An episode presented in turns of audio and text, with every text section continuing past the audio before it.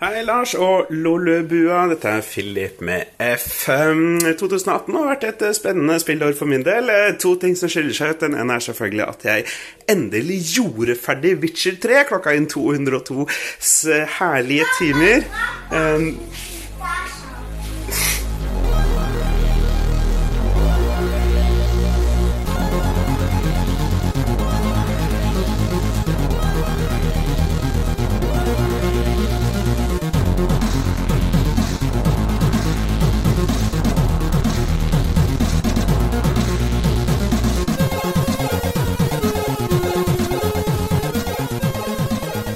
...2018 nærmer seg slutten. Eh, vi har julestemning her i Lolbua. Og vi har samla de fire skarpeste hjernene i Lolbua rundt eh, matbordet her. Vi skal feire jul. Eh, de fire er jo da eh, Sir Winterbottom, aka eh, Ståle Baldvinsson. Velkommen skal du være. Tusen hjertelig takk. Og så har vi han Sir Toby, eh, også kjent som Dag Thomas. Sup, sup, sup. Og så har vi jo Lars. Du er han General von Schneider. Hallo, eh, jawohl. Ja, og hva, hva var det han siste het? Sir Toby, Winterbottom, General von Schneider og Fritz. Den der eh, fisse, fisse McFitte-tryne, var det Nå ble det grovt med en gang. Nå slei det ut. Det var grevinnen og hovmesteren jeg alluderte til her. Fordi det er jo noe vi forbinder med jul. Det er lille julaften og sånne ting. Men vi fire er samla rundt et bord, for vi skal kåre årets beste spill. En viktig oppgave hvert år. Hva var Lolboa sitt beste spill i 2017, Lars? Som husker. Nei, der ser du hvor viktig det her er. Det er totalt uviktig. Lyttere som har lytta mange ganger, de vet at denne kåringa er, uh, er oppspinn og tull. Ikke hør på hva Ja, glem det. Vi La oss gå videre. La oss Jeg vet at du hater meg der Goti-episoden, men uh, du stiller likevel. Jeg hater å kåre årets beste whatever. Eh, Men vi kan i hvert fall ro, Jeg kan roe litt ned først. Vi kan jo snakke litt om hva vi har gjort i det siste. Eh, Lars, du har skrevet 'Final Table' i sendeskjema. Hva skal det bli? bety? Ja, ja, jeg har, det eneste jeg har gjort i det siste, er å, å begynne på juleferie. En tidlig juleferie. Veldig deilig. Anbefales, eh, egentlig. Så jeg har hatt mye tid. Så har jeg sett Netflix, eh, en ny serie som heter Final Table. Masse sånne eh, superkokker som lager ting som jeg aldri har hørt om, med ingredienser jeg aldri har hørt om. Så jeg vet ikke hvorfor jeg liker det, men jeg gjorde det likevel. Så det er liksom det jeg har gjort. Og var og drakk drakk i går. Uh, var på en av byens mest harry utesteder. Veldig morsomt. Drev og dansa til sånn her eh, det er, det, er det et dårlig tegn når eh, DJ-en avslutter eller mikser alle sanger med at han skrur ned tempoet på sangen, så det blir sånn Og så starter neste Det betyr bare at du bor på et lite tettsted.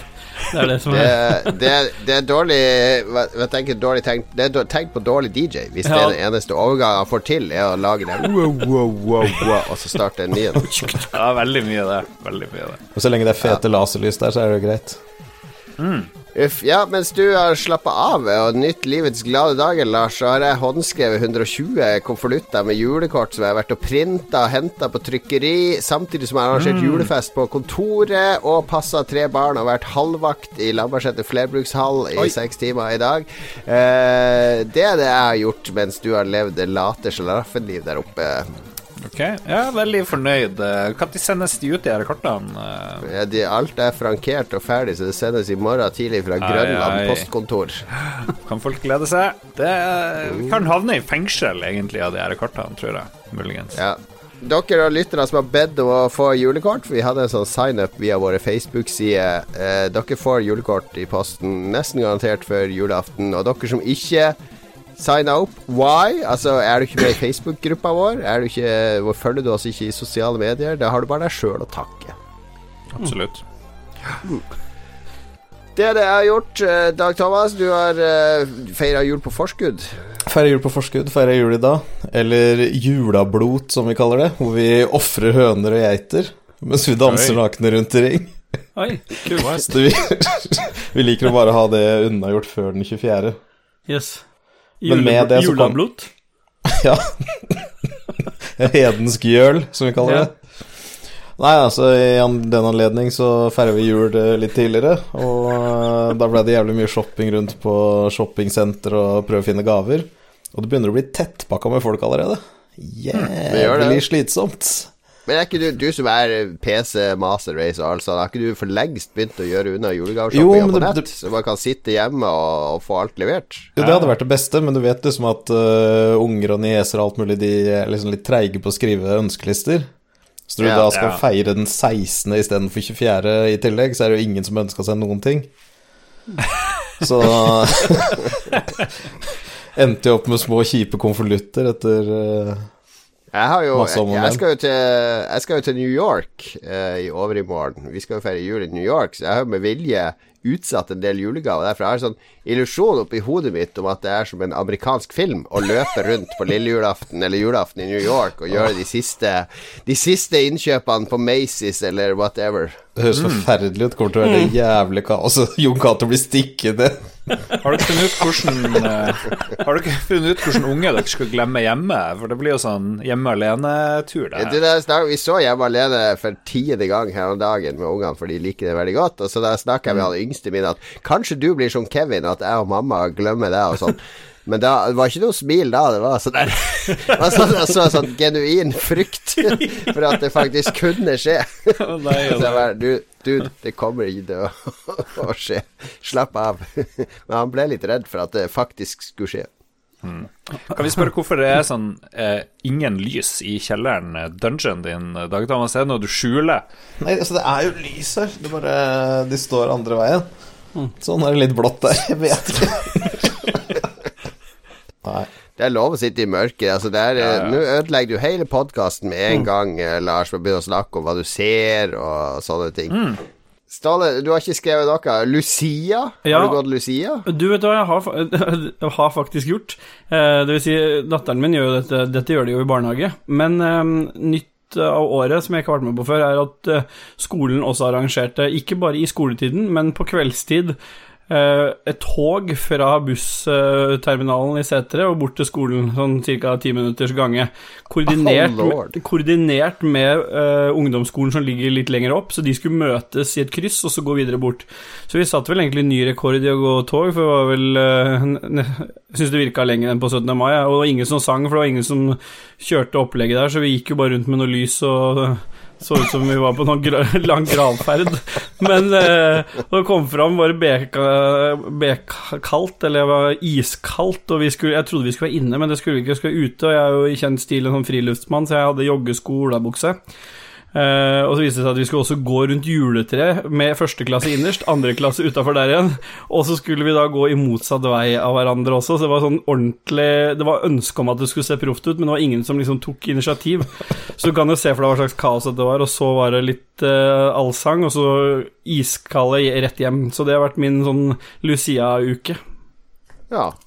Da sitter Lars og tørker tårene av at han ikke har noe barn, så han får oppleve disse glade, Men jeg kan trøste deg med at du skal gjøre dette neste år, Lars, og da får du en åpen invitasjon til å bli med både og gå tog og gå rundt tre.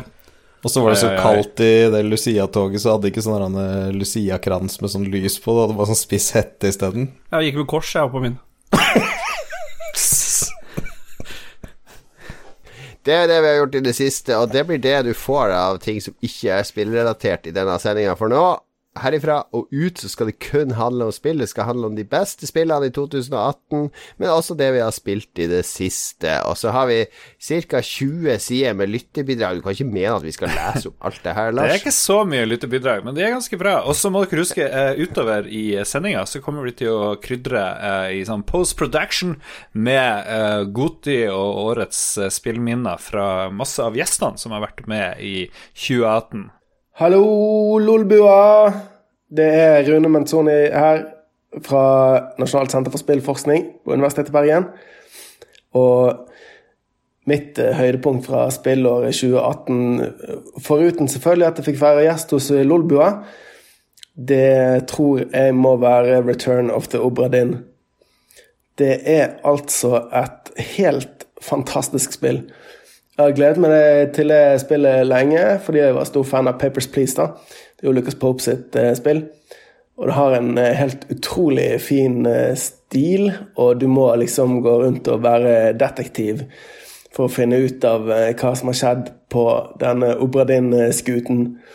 Og det er jo en dramatisk historie som utfolder seg, for å si det mildt. Årets beste spill, kanskje?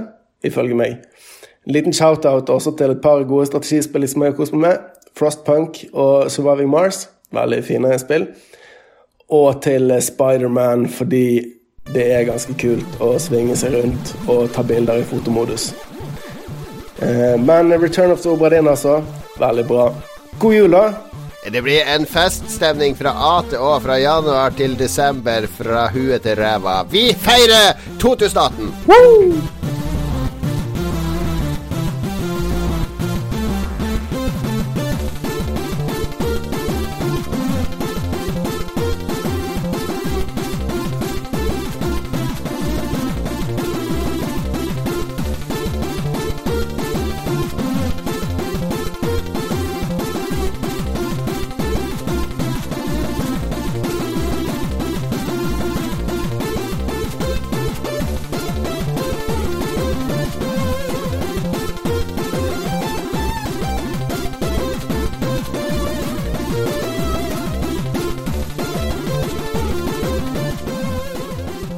...2018 er ikke helt eh, slutt. Det kommer fortsatt nye spill, og vi skal snakke litt om hva vi har spilt i det siste. Det trenger ikke være nytt, men hva, hva som har eh, figurert på skjermene våre den siste, de siste ukene. Uh, og uh, Lars, vil du, har du lyst til å begynne? Jeg vet at du har spilt et uh, svensk spill som er gitt ut av en norsk publisher. Det er ganske sjelden kost i spillbransjen. Ja, Mutant Year Zero, kolon Road to Eden, eh, langt navn. Er sånn eh, slags Howard the Duck-inspirert, føler jeg, spill. Eh, Det er verdt apokalypse, og de nye som bor på jorda, er noen sånne ghouls, sånne monster. Og så er det sånn en vandrende and som snakker, og en gris som prater, og litt sånn rart. Um, det er litt sånn usikkert når der uh, apokalypsen var, for de finner sånne ting som eh, en sånn stereo. Eh, de kaller det en boombox, og de tror det er, den eksploderer, så de er veldig redd for å ta for mye på den og sånt. Så eh, de har mista all sånn kunnskap om hva som var før, virker det som, men lever videre i form av ender og snakkende ting og dang. Eh, må plukke opp skrap eh, for å overleve. Og um, kampene er i form av sånn XCOM-aktig sånn turn-based uh, skyting og sniking og stille seg opp og ja. Et rundebasert strategispill der du skal Eller, kjempe, eller taktikkspill der du Taktikk. skal kjempe mot andre? Ja. Stemmer. Tok eh, fem minutter, og så skjønte jeg at jeg liker jo egentlig ikke denne sjangeren, og begynte å lure veldig på hvorfor jeg kjøpte det her spillet her. Men eh, ser veldig fint ut, og høres fint ut, og virker smart. Du kan liksom levele opp. Det er jo sånn RPG, da. Du har ulike karakterer. Eh, så i stedet for at du har en base hvor du gjør research og sånne ting, som i XCOM, så oppgraderer du de her enderen og de her eh, tingene sjøl. At de får nye skills, og de får mer hitpoints og ting og tang. Hva er det det du misliker med sjangeren? Vet ikke, det er litt tregt. Og så har jeg beslutningsvegring, sant? og det er jo helt kritisk i sånne her XCOM-greier. Alt handler om skal jeg gå dit, skal jeg gå dit, skal jeg oppgradere ditt, skal jeg oppgradere datt. Så for en sånn prokrastinør som meg, så er det her helt forferdelig. Eh, må ta valg 100% av tida. Så, men jeg bytter spillet, og det er litt sjarmerende. Eh, Det jeg misliker mest, som ikke har noe med spill å gjøre, er at det er veldig liten skrift. Helt tydelig at det er sånn PC-spill som bare skjøver den over på andre plattformer. Eh, og så når du skal scrolle av og til, så må du bevege musepekeren, mu musa på skjermen, og finne sånn der du skal dra for å scrolle opp og ned på skjermen teksten, sånn som du gjør på sånn gammel Windows 3.11-system, liksom. Veldig spesielt, for du har ikke noe sånn hjul på musa, så du bare kan ta sånn opp og ned. Det kan sånn, så hende noen har hjul på musa. ja, men på eh, stikker, på PS4-stikker. Ja, ok. ja. Men uh, positiv, det er positiv til verden. Veldig koselig, de her Howard the Duck-karene. Uh, er de. Du har også spilt det, Ståle, Ja. skjønt det Ja, og jeg er mye mer positiv enn Lars. Fordi jeg har spilt det ma eh, mange timer. Jeg syns jo det var kjempekult. Og jeg syns eh, at de blir ofte sammenligna med X Eller det blir, har blitt sammenligna mye med XCOM. Og det er vel fordi at XCOM er litt standard. Men eh, for meg som har spilt Mario pluss Rabbids, som er noe tilsvarende Nintendo Ubisoft sin versjon, så har nok inspirasjonen veldig mye kommet derfra, for det er mye enklere i den grad at uh, i forhold til det med våpen, i forhold til hvordan de mekanikkene er, i forhold til prosentsatsene på um, når du får opp fiendene. Så, så jeg oppfatter det som et, en enklere, mye enklere utgave av XCOM, pluss at den der utforskningsdelen imellom kampene er ganske interessant. Og så har de lagt inn at, muligheten til at du kan snike deg forbi Forbi mm. flere av encountersene. Det er jo i utgangspunktet ikke noe lurt, da, for da får du ikke XP til å ta de du faktisk må ta. Så det, det, jeg vet ikke helt hva de har tenkt der. Ellers så um, syns jeg de har gjort mange sånne kule De har masse sånne små artige detaljer, for dette er jo sånn postapokalyptisk uh, verden. Litt usikkert hvilket land, men det er uh, men hvis du ser på biler og sånn som står parkert, så står det blant annet police og ambulans på Og i den lille der du, I den baren i hovedhuben din der du oppgra kan oppgradere enkelte ting, der Hvis du hører veldig nøye etter, så spiller den bare svensk danseband i bakgrunnen, men det går ganske lavt. Men det er sånne kule detaljer de har lagt inn i mye av Veldig sånn god atmosfære i det spillet. Så jeg, jeg syns jo Jeg har jo ikke spilt så mye XCOM, jeg har spilt mye eh, Mario Bros. Rabbits og fikk liksom veldig sansen for den sjangeren. Ja. Fordi jeg har tiden til det, liksom. Men uh, grunnen til at det er kult at du kan snike rundt, er jo at du velger sjøl når en kampen skal begynne. I sånn XCOM og sånne ting, så er det du blir bare kasta inn i et brett, og så du, er alt i gang. Mens her kan du stille opp karene dine litt mer taktisk. Og velge Ja, du kan ta ut enkelte uten at kampen begynner, òg, for du kan ta de ut eh, silent også, med enkelte våpen som har den funksjonen, så da kan du liksom plukke ut mye av den før alle angriper. Så jeg vil gi, Ja. anbefale. Da kan vi bare avslutte hele godsendingen med å kåre Mutant Year Zero Road to Eden som årets spill 2018. Gjør det for meg! Gjør det for meg. Ja, ok, da, vi får fortsette litt til. Ja, svenske Bearded Ladies, altså, eh, og, og norske Funcom med en sånn XCOM Light. eh, Det er jo basert på et gammelt svensk eh, sånn penn og papir-rollespill som heter Mutant Year Zero, som var, var veldig populært i Sverige. Eh, ble aldri så stort utenfor Sverige. Jeg husker så vidt de hadde det på Spillspesialisten, som, uh, som uh, Avalon het før, før de gikk konkurs. Men Ståle har jo spilt eh, et spill til. Ja, det har du, Ståle. Det er jeg litt Er interessert i å høre interessert om. i å høre om det? Ja, du kan få lov å fortelle litt om Ashen. Eh, jeg syns jo det virka veldig lovende. Jeg, tror, jeg vet ikke om Dag Thomas ønsker at jeg skal sammenligne med noe, eller om han bare hadde en intensjon. Eh, Nei, jeg bare, jeg Eh, bare lurte- jeg har ikke spilt mer enn kanskje toppen en time. Og sånn jeg oppfatter det, så ligner det jo Jeg har det jo veldig sånn kampstil som Dark Souls, så det er jo ikke Det, vel der, det, var, vel der, det var vel der ønsket var at jeg skulle si, siden jeg hadde nevnt det et par ganger tidligere. Alt er Dark Souls for deg. Ja, jeg, altså. har, jeg har fått uh, Jeg fikk det litt sånn på meg sist her. Men eh, jeg hadde vel mer rett med at dette var det, enn uh, å kalle Smash for det. Nei, det er close. Så jeg har ikke så mye å si om det annet enn at det virker veldig pent, og virker litt enklere enn Dark Souls.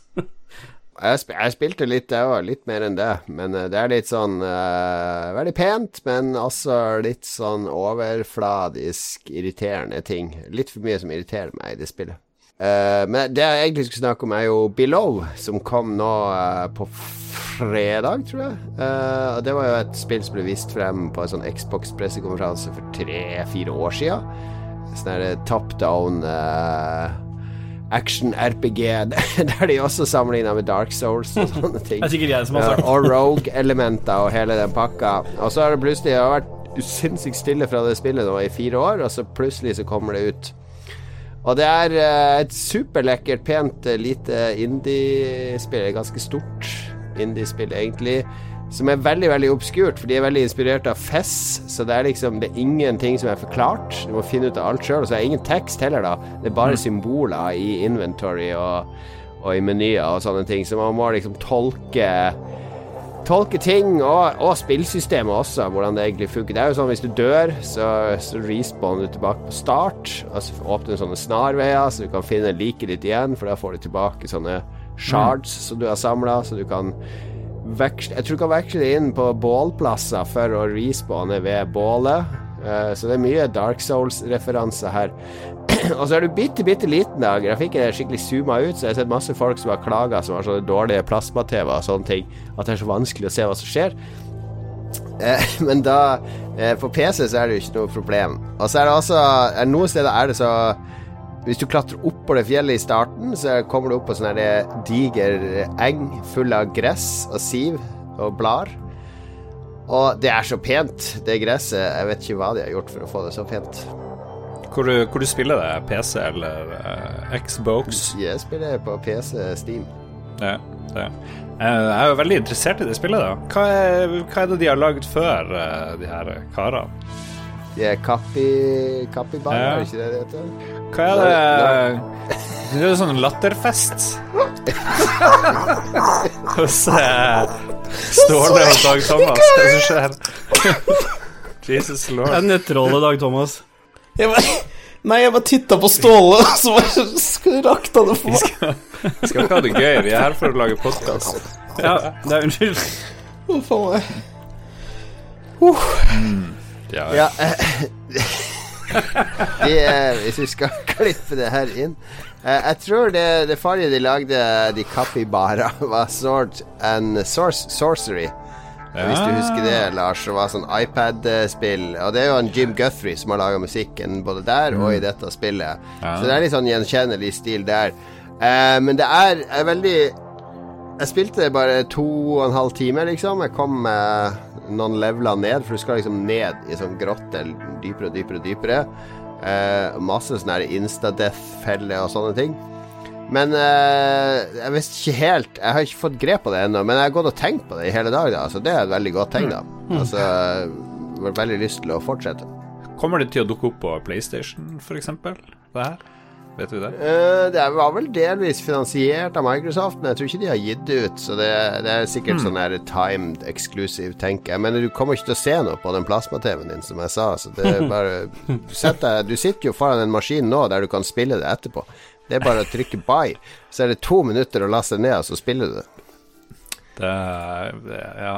Jeg klarer Det har gått feriepenger, gikk til en råtøff uh, PC. Jeg har jeg ikke spilt noe ordentlig på den PC-en. Ett år siden Ett år siden jeg bestilte den. Ok, Dag Thomas, du har spilt en PC-klassiker som jeg vet mange PC-spillere stadig vender tilbake til. Et spill som stadig fornyer seg, og, eh, og som har trampa på Diablo gang på gang. Eh, Hva er det du har spilt? Det har blitt veldig mye Path of Exile. Typ veldig mye. Og det, det som er liksom forskjellen jeg har gjort nå da fra tidligere, er at jeg alltid spilte på hardcore før. Så det resulterte at du, du fikk jo aldri tatt noe endgame. Du fikk jo aldri gjort de vanskeligste tinga i spillet. spillet. hardcore er at, at du, du Er du død, så er det over. Er du død, så er det over. Ja. Så da brukte jeg vel 1000 timer på å få den achievementen uh, reach level 90 on hardcore. Wow. Og etter jeg har fått den, så var det liksom sånn Ok, greit, jeg skal prøve softcore en runde, da, for jeg har alltid vært sånn Herregud, faen, gidder dere å spille softcore? Det er så jævlig kjedelig, og ingenting er verdt noe, det er ikke noe morsomt. Aldri hatt det mer gøy i Path of Exile. spille, spille helt sånn idiotisk bild som bare spruter ut spells, og alt dør, og jeg dør, og alt er bare kjempegøy. Ja. Men da har jeg i hvert fall fått gjort en del med content da, som jeg aldri har gjort før. Altså Noen jævlige maps og noen shaper-greier, og bare alt tar helt av, og sprutespells overalt. Men det er kult. Mm. Veldig bra expansion. Nå er det liksom sånn Den expansionen her så er jo alt på plass for å ha det gøy. Hvordan vil du si at det kan du sammenligne med et annet spill? Er litt sånn Dark Souls-aktig. Eh, det, er basically alt som Diablo 3 burde vært. Eh, nå har jo Diablo 3 skjerpa seg litt, men jeg liksom fortsatt føler at Path of Exile er hakket mer på hugget med Det er liksom litt to, to forskjellige spill, og jeg, jeg syns jo Diablo 3 Altså, jeg spilte jo på launch, da var det ganske ræva og vanskelig. Men etter hvert så blei det jo jævlig bra, og og det er en sånn Det er mye lettere og artigere å spille Diablo 3 liksom som en gruppe. Du er en tre-fire stykk og gjør noe Great Rifts og har det gøy sammen. I Path of Exile så har du ikke noe gøy når du er i gruppe sammen, for det er liksom ikke Symbiosen funker ikke helt. Det er sånn at du må drepe dine egne monstre for å få noe power-up som du bruker til bilden din. Så hvis noen andre dreper monstre, så får ikke du de power-ups. Altså det er litt sånn Ja, litt dårlig for teamplay, da. Så sånn sett er Diablo artigere. Han uh, spurte nøyaktig det samme spørsmålet til uh, Mats i forrige uke. Hva er best, Diablo eller Path of Exile? Fordi han er jo gira på det. Han mente at uh, Path gruser Diablo på absolutt alle mulige måter. Så han var litt mer Mats tydelig skal ikke være så jævla dramatisk. Ja, Mats sier jo det, men så spiller ikke Mats i team. For da får han ikke alle tinga sine. Det verste det Mats hater mest av alt. For at i Path of Exile, i Diablo, så ser du bare ting som dropper til deg sjøl. Mens i Path of Exile så ser du hva alle andre får, som du ikke har fått. Det er gråa ut på skjermen. Ja. Så hvis noen får det ah, 'Fy faen, jævlig fett! Det er dritbra, verdt kjempemye', så står du der og kan ikke trykke på den og bare se livet passere revy. Det syns ikke han er like gøy. ja, morsomt.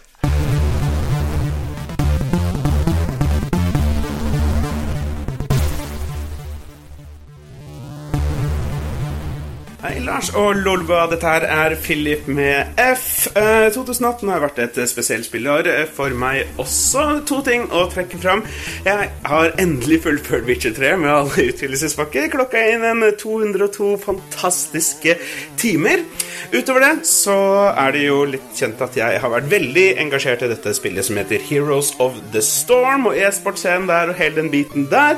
Nå på var det fredag, vel, en tre dager siden, så meldte Blizzard at i 2019 skal de trekke all støtte for spillet. Cirka hele e-sportscenen legges ned, egentlig, på dagen. Og ja, de kommer til å flytte mange av utviklerne over til andre titler, så da er det dødt, og jeg får begynne å lete etter en karriere i et annet spill. Eller skrive master. Eller høre på Lolbua.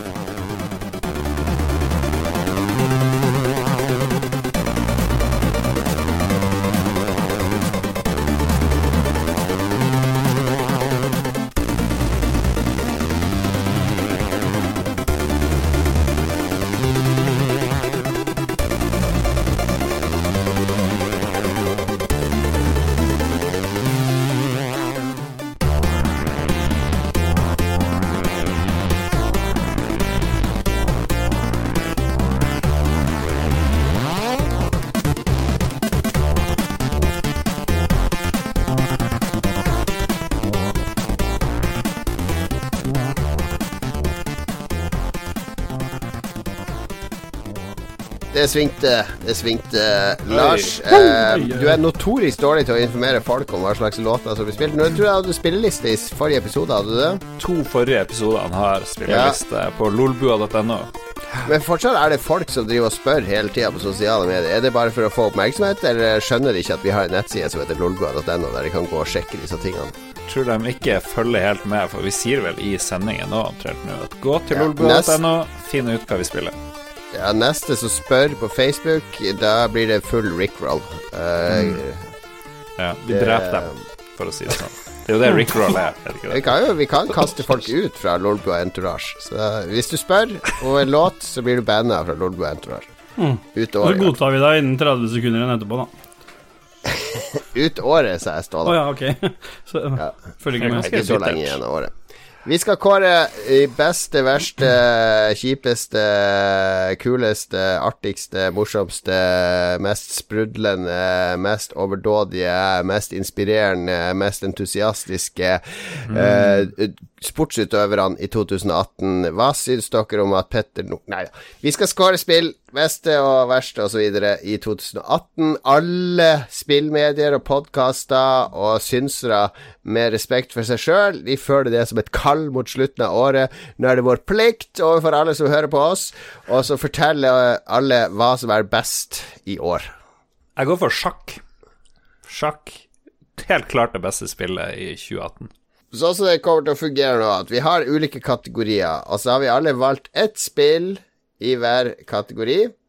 Eh, som vi mener er det beste, eller stiller sterkest i den kategorien. Og så, når vi, vi kan få lov å legge fram våre argumenter for dette overfor hverandre, og så kan vi ta oss og stemme på slutten i chatten vår, der vi skriver navnet på den som vi mener Vi kan ikke stemme på oss sjøl, nemlig. ok. Og den som får flest stemmer der, det blir kåra til Lolbua sitt beste spill i den kategorien. Er vi enige? Ok, ok. Vi begynner med den, eh, vi begynner med Vi skal kåre de beste spillene, så da begynner vi med å kåre det verste, nemlig årets skuffelse. Og skuffelse kan jo være så mangt.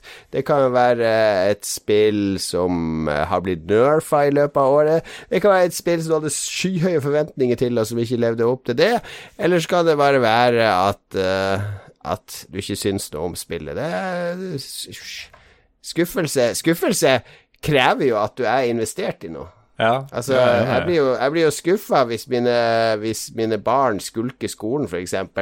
Det er et veldig rart ord for meg å bruke om et spill.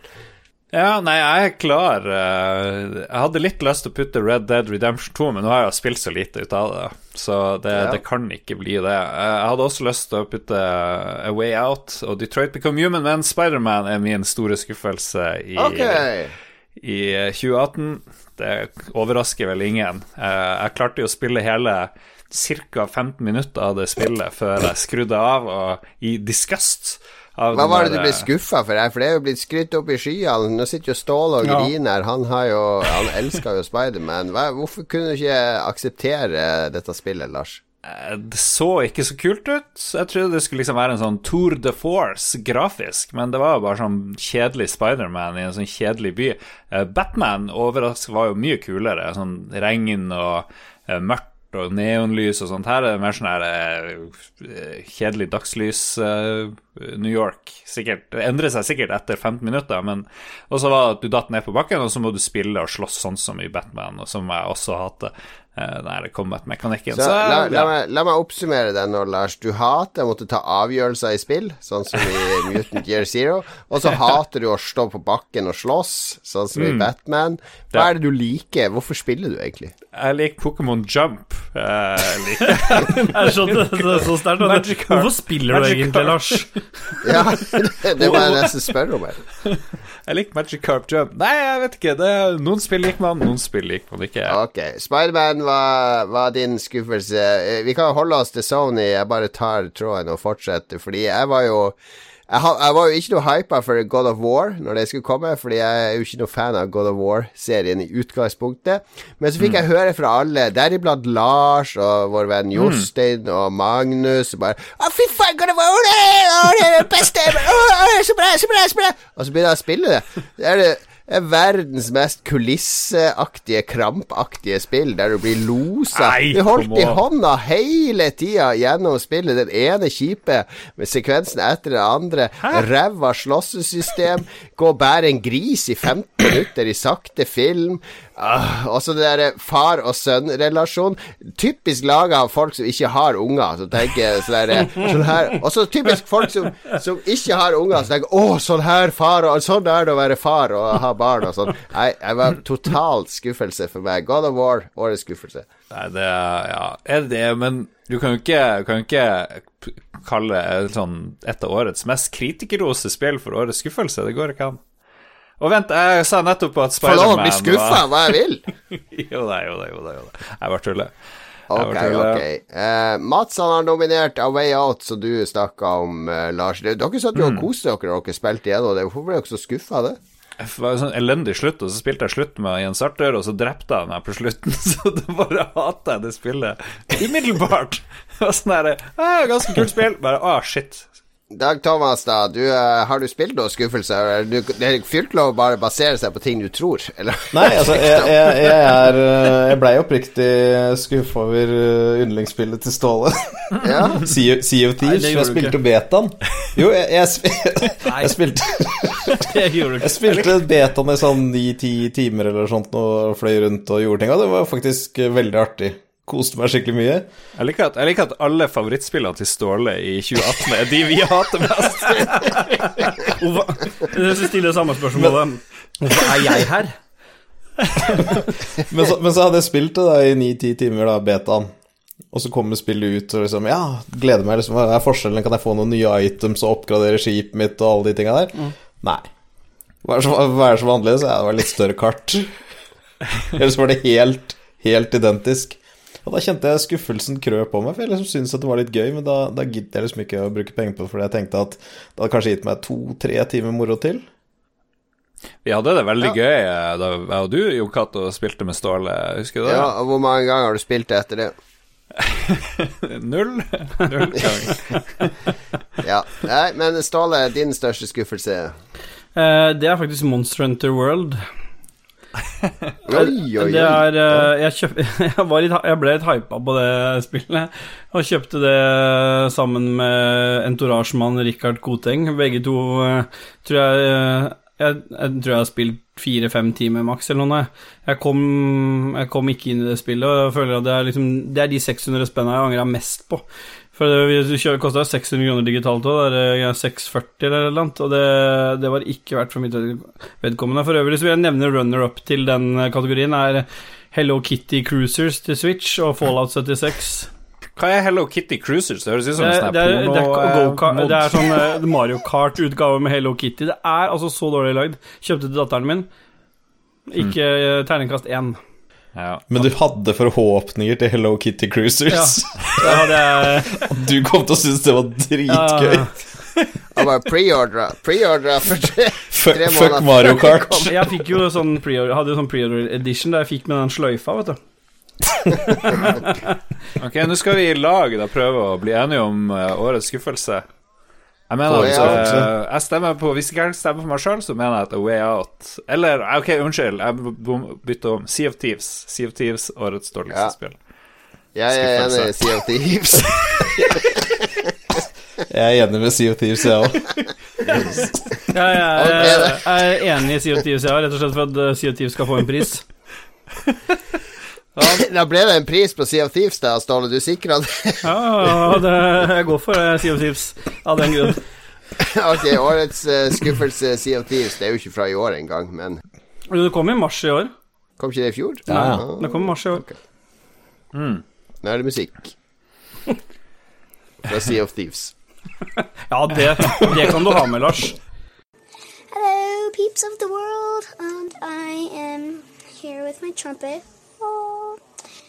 Um, I might miss some of the notes because I'm not professional and I don't have the best trumpet in the world.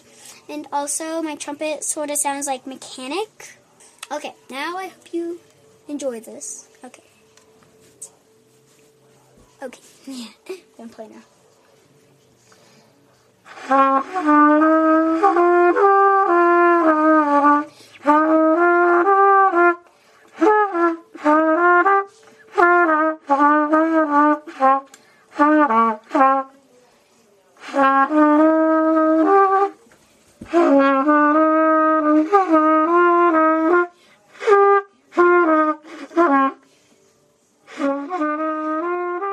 Ok, fra det ene møkkaspillet til det andre. Nå er det årets mobilspill. Herregud, for en lidelse. Bare spol, spol, kjære lytter. Spol, så kommer vi til de ordentlige kategoriene snart. Årets mobilspill. Er det noe spill på mobil fortsatt? Lars, du, du Ja. gjør det på do? Ja, ja. Jeg har spilt Ja. eh, i hvert fall to, mobil, to mobilspill ganske mye i år. Jeg har det. Hvilket mobilspill nominerer du som årets beste Yes. mobilspill, Lars? Uh, helt klart Pokémon Jump. Uh, jeg har spilt mye Hold Down, men Pokémon Jump er nummer én hos meg, altså. Det, det er en stayer. Er dette det stayer. Magikarp-spillet? Heter det Magikarp? Ja, det, unnskyld, det heter Magikarp Jump. Jeg vet ikke hva det heter engang. Ja, Magikarp Jump. Hvor du, hvor du trener opp eh, ulike Magikarp, som jo egentlig er de mest ubrukelige Pokémon-monstrene. For de bare ligger og plasker på bakken. Og Ja, det er vel det sånn- eneste angrepet de har. Splash. Ja, ja. ja. Eh, veldig lite veldig, Ikke så veldig bra spill, men det har jeg spilt veldig mye, så da er det jo selvfølgelig mitt favoritt-mobilspill. Veldig bra kategori der, føler jeg. Ja, ja, ja. Jeg tar tråden videre. Jeg nominerer uh, Florence, som er um, en sånn, her, eh, sånn tegneserienovelle der du skal røre i en saus av og til. Sette sammen og puslespill. Det handler om, eh, om forelskelse, å bli forelska og flytte sammen og flytte fra hverandre. Veldig personlig. eh, Spille gjennom det på en time, halvannen time. Eh, noen veldig finurlige fortellermessige grep, altså interaktive grep, der de klarer å, å formidle følelser via, via interaksjon, som, som, som spill Eller jeg er ikke spillutvikler, men som en som jobber med å lage spill og se på løsninger og sånne ting, så jeg syns det var veldig interessant spill. Så det var veldig vakkert og fint fortalt, med fin sånn cellomusikk og Så Florence, eller gitt ut av Anna Perna, det er min nominasjon. Men sånn, jeg tenker det, Jeg skal ikke krangle på det, men jeg bare tenker eh, for meg så er mobilspill sånne ting jeg bare gjøre uten å tenke. Sånne seriøse mobilspill, det er jeg ferdig med, liksom. Det er, hvor det er handling, eller hvor jeg må liksom tenke mye og sånt. Så det, det er litt trist, da. Det jeg har funnet ut det. Eh, Ikke ta avgjørelser, ikke slåssing, ikke tenke. vi lager Vi, vi, vi lager, bygger opp en karakter. Vi bygger opp en, en personlighetstest, for det blir jo denne Goti-kåringa, Lars. En profil. Ja. Men det Florence-spillet, det var noe sånn i forhold til psykisk helse og sånn? Sykepleier eh, Jeg trodde det var det mer sykepleierutdanna. Nei, det er ikke, handler ikke om Florence Nightingale. Nei, men eh, dem som lagde, lagde det basert på psykisk helse og Nei, du, nei, du tenker på det Hellblade, Senua Sacrifice. Nei, nei, nei. nei Florence. Ah, ja. ja, kanskje. Kanskje ja. jeg bare spilte som en, eh, en, en interaktiv novelle, liksom. Grafisk Mm. novelle. Eh, Mats har eh, Vi hopper over Mats, det er bare tull. Dag Thomas. Ja, jeg spiller jo ikke så mye på mobilen min, for jeg er jo redd for at batteriet skal gå tomt. For jeg, liksom, jeg må jo få sjekka Reddit hele tida, så derfor Ja. må jeg ha batteri på telefonen. Så derfor har jeg bare brukt uh, yndlingsappen min, Poop Salary. Der uh, fyller du inn årslønna di, og hver gang du går på do, så trykker du start og stopp. så i år så har jobb betalt meg 42 000 kroner hittil i år for at jeg bæsjer. Men du er jo du Bruker du mer enn sånn normal tid på do, tror du, eller? Ja, jeg Spørs om det er noe spennende på Reddit eller ikke, det. Ja. Du får jo altså eh, 50% av snappene fra Dag Thomas er jo fra doen på jobb. Ja, det er jo det. ok. Poop Salary. Jeg kjente ikke til den appen, men uh, kanskje jeg skal den er tvangsinstallere den hos mine ansatte, så at jeg kan, jeg kan starte den på vegne av de hver gang de går på do. Så kan du si at dere får ikke det her av at dere har nå bæsja ut 487 000 kroner i år. Spillet burde vært ferdig. Ståle, du, er, eh, du, du ble hekta på en Lars-anbefaling. Ja, jeg er det. Og det For det Både jeg og fruen bruker mye tid mellom slaga på, på holddown, så det blir min eh, årets mobilspill. Og det er vel stort sett det jeg har spilt av mobilspill i år. Ja. Ja, Så er det sånn- eh, Du sender ut baller og skal grave deg lenger lenger ned under bakken på et vis. En sånn eh, rar arkanoid-klone som vi har nevnt flere ganger. Men det er et veldig bra spill. Ok, Da skal vi nominere Da nominerer jeg Ståle sin Holdown, eh, gjør jeg, som årets Ja, eh, det gjør jeg jeg òg, for så vidt. Jeg må gå for poop salary, igjen, da. Ja, det blir hold Å, shit, vi har en vinner. Hold on, årets mobilspill hos Lolbua. Gratulerer til du svenske faen som har laga det spillet sammen med det forrige eh, hipsterspillet du lagde. Svenske hipsterspill, det går rett hjem i Lolbua.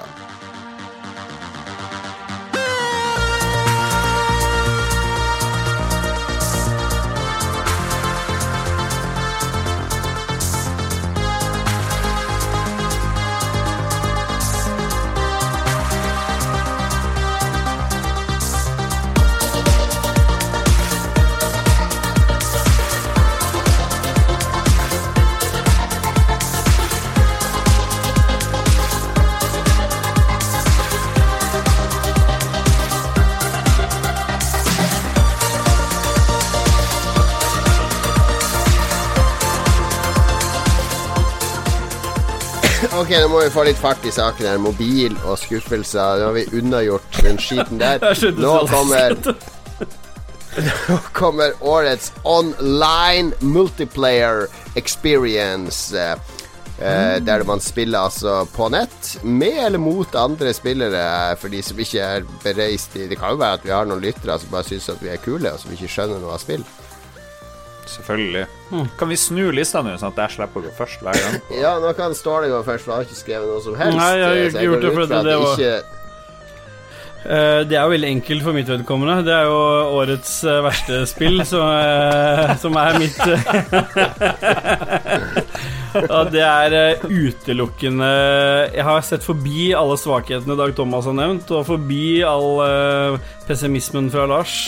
Og eh, Xbox har på en måte blitt min konsoll med det spillet der, for jeg spilte jo PlayStation nesten helt utelukkende fram til ja, du si, si navnet på spillet litt tidligere. Sea of Thieves. Ja. Sea of Thieves, ja. Ja. Sjørøverspillet. Ja, Sjørøverspillet. Sjørøverspill, ja.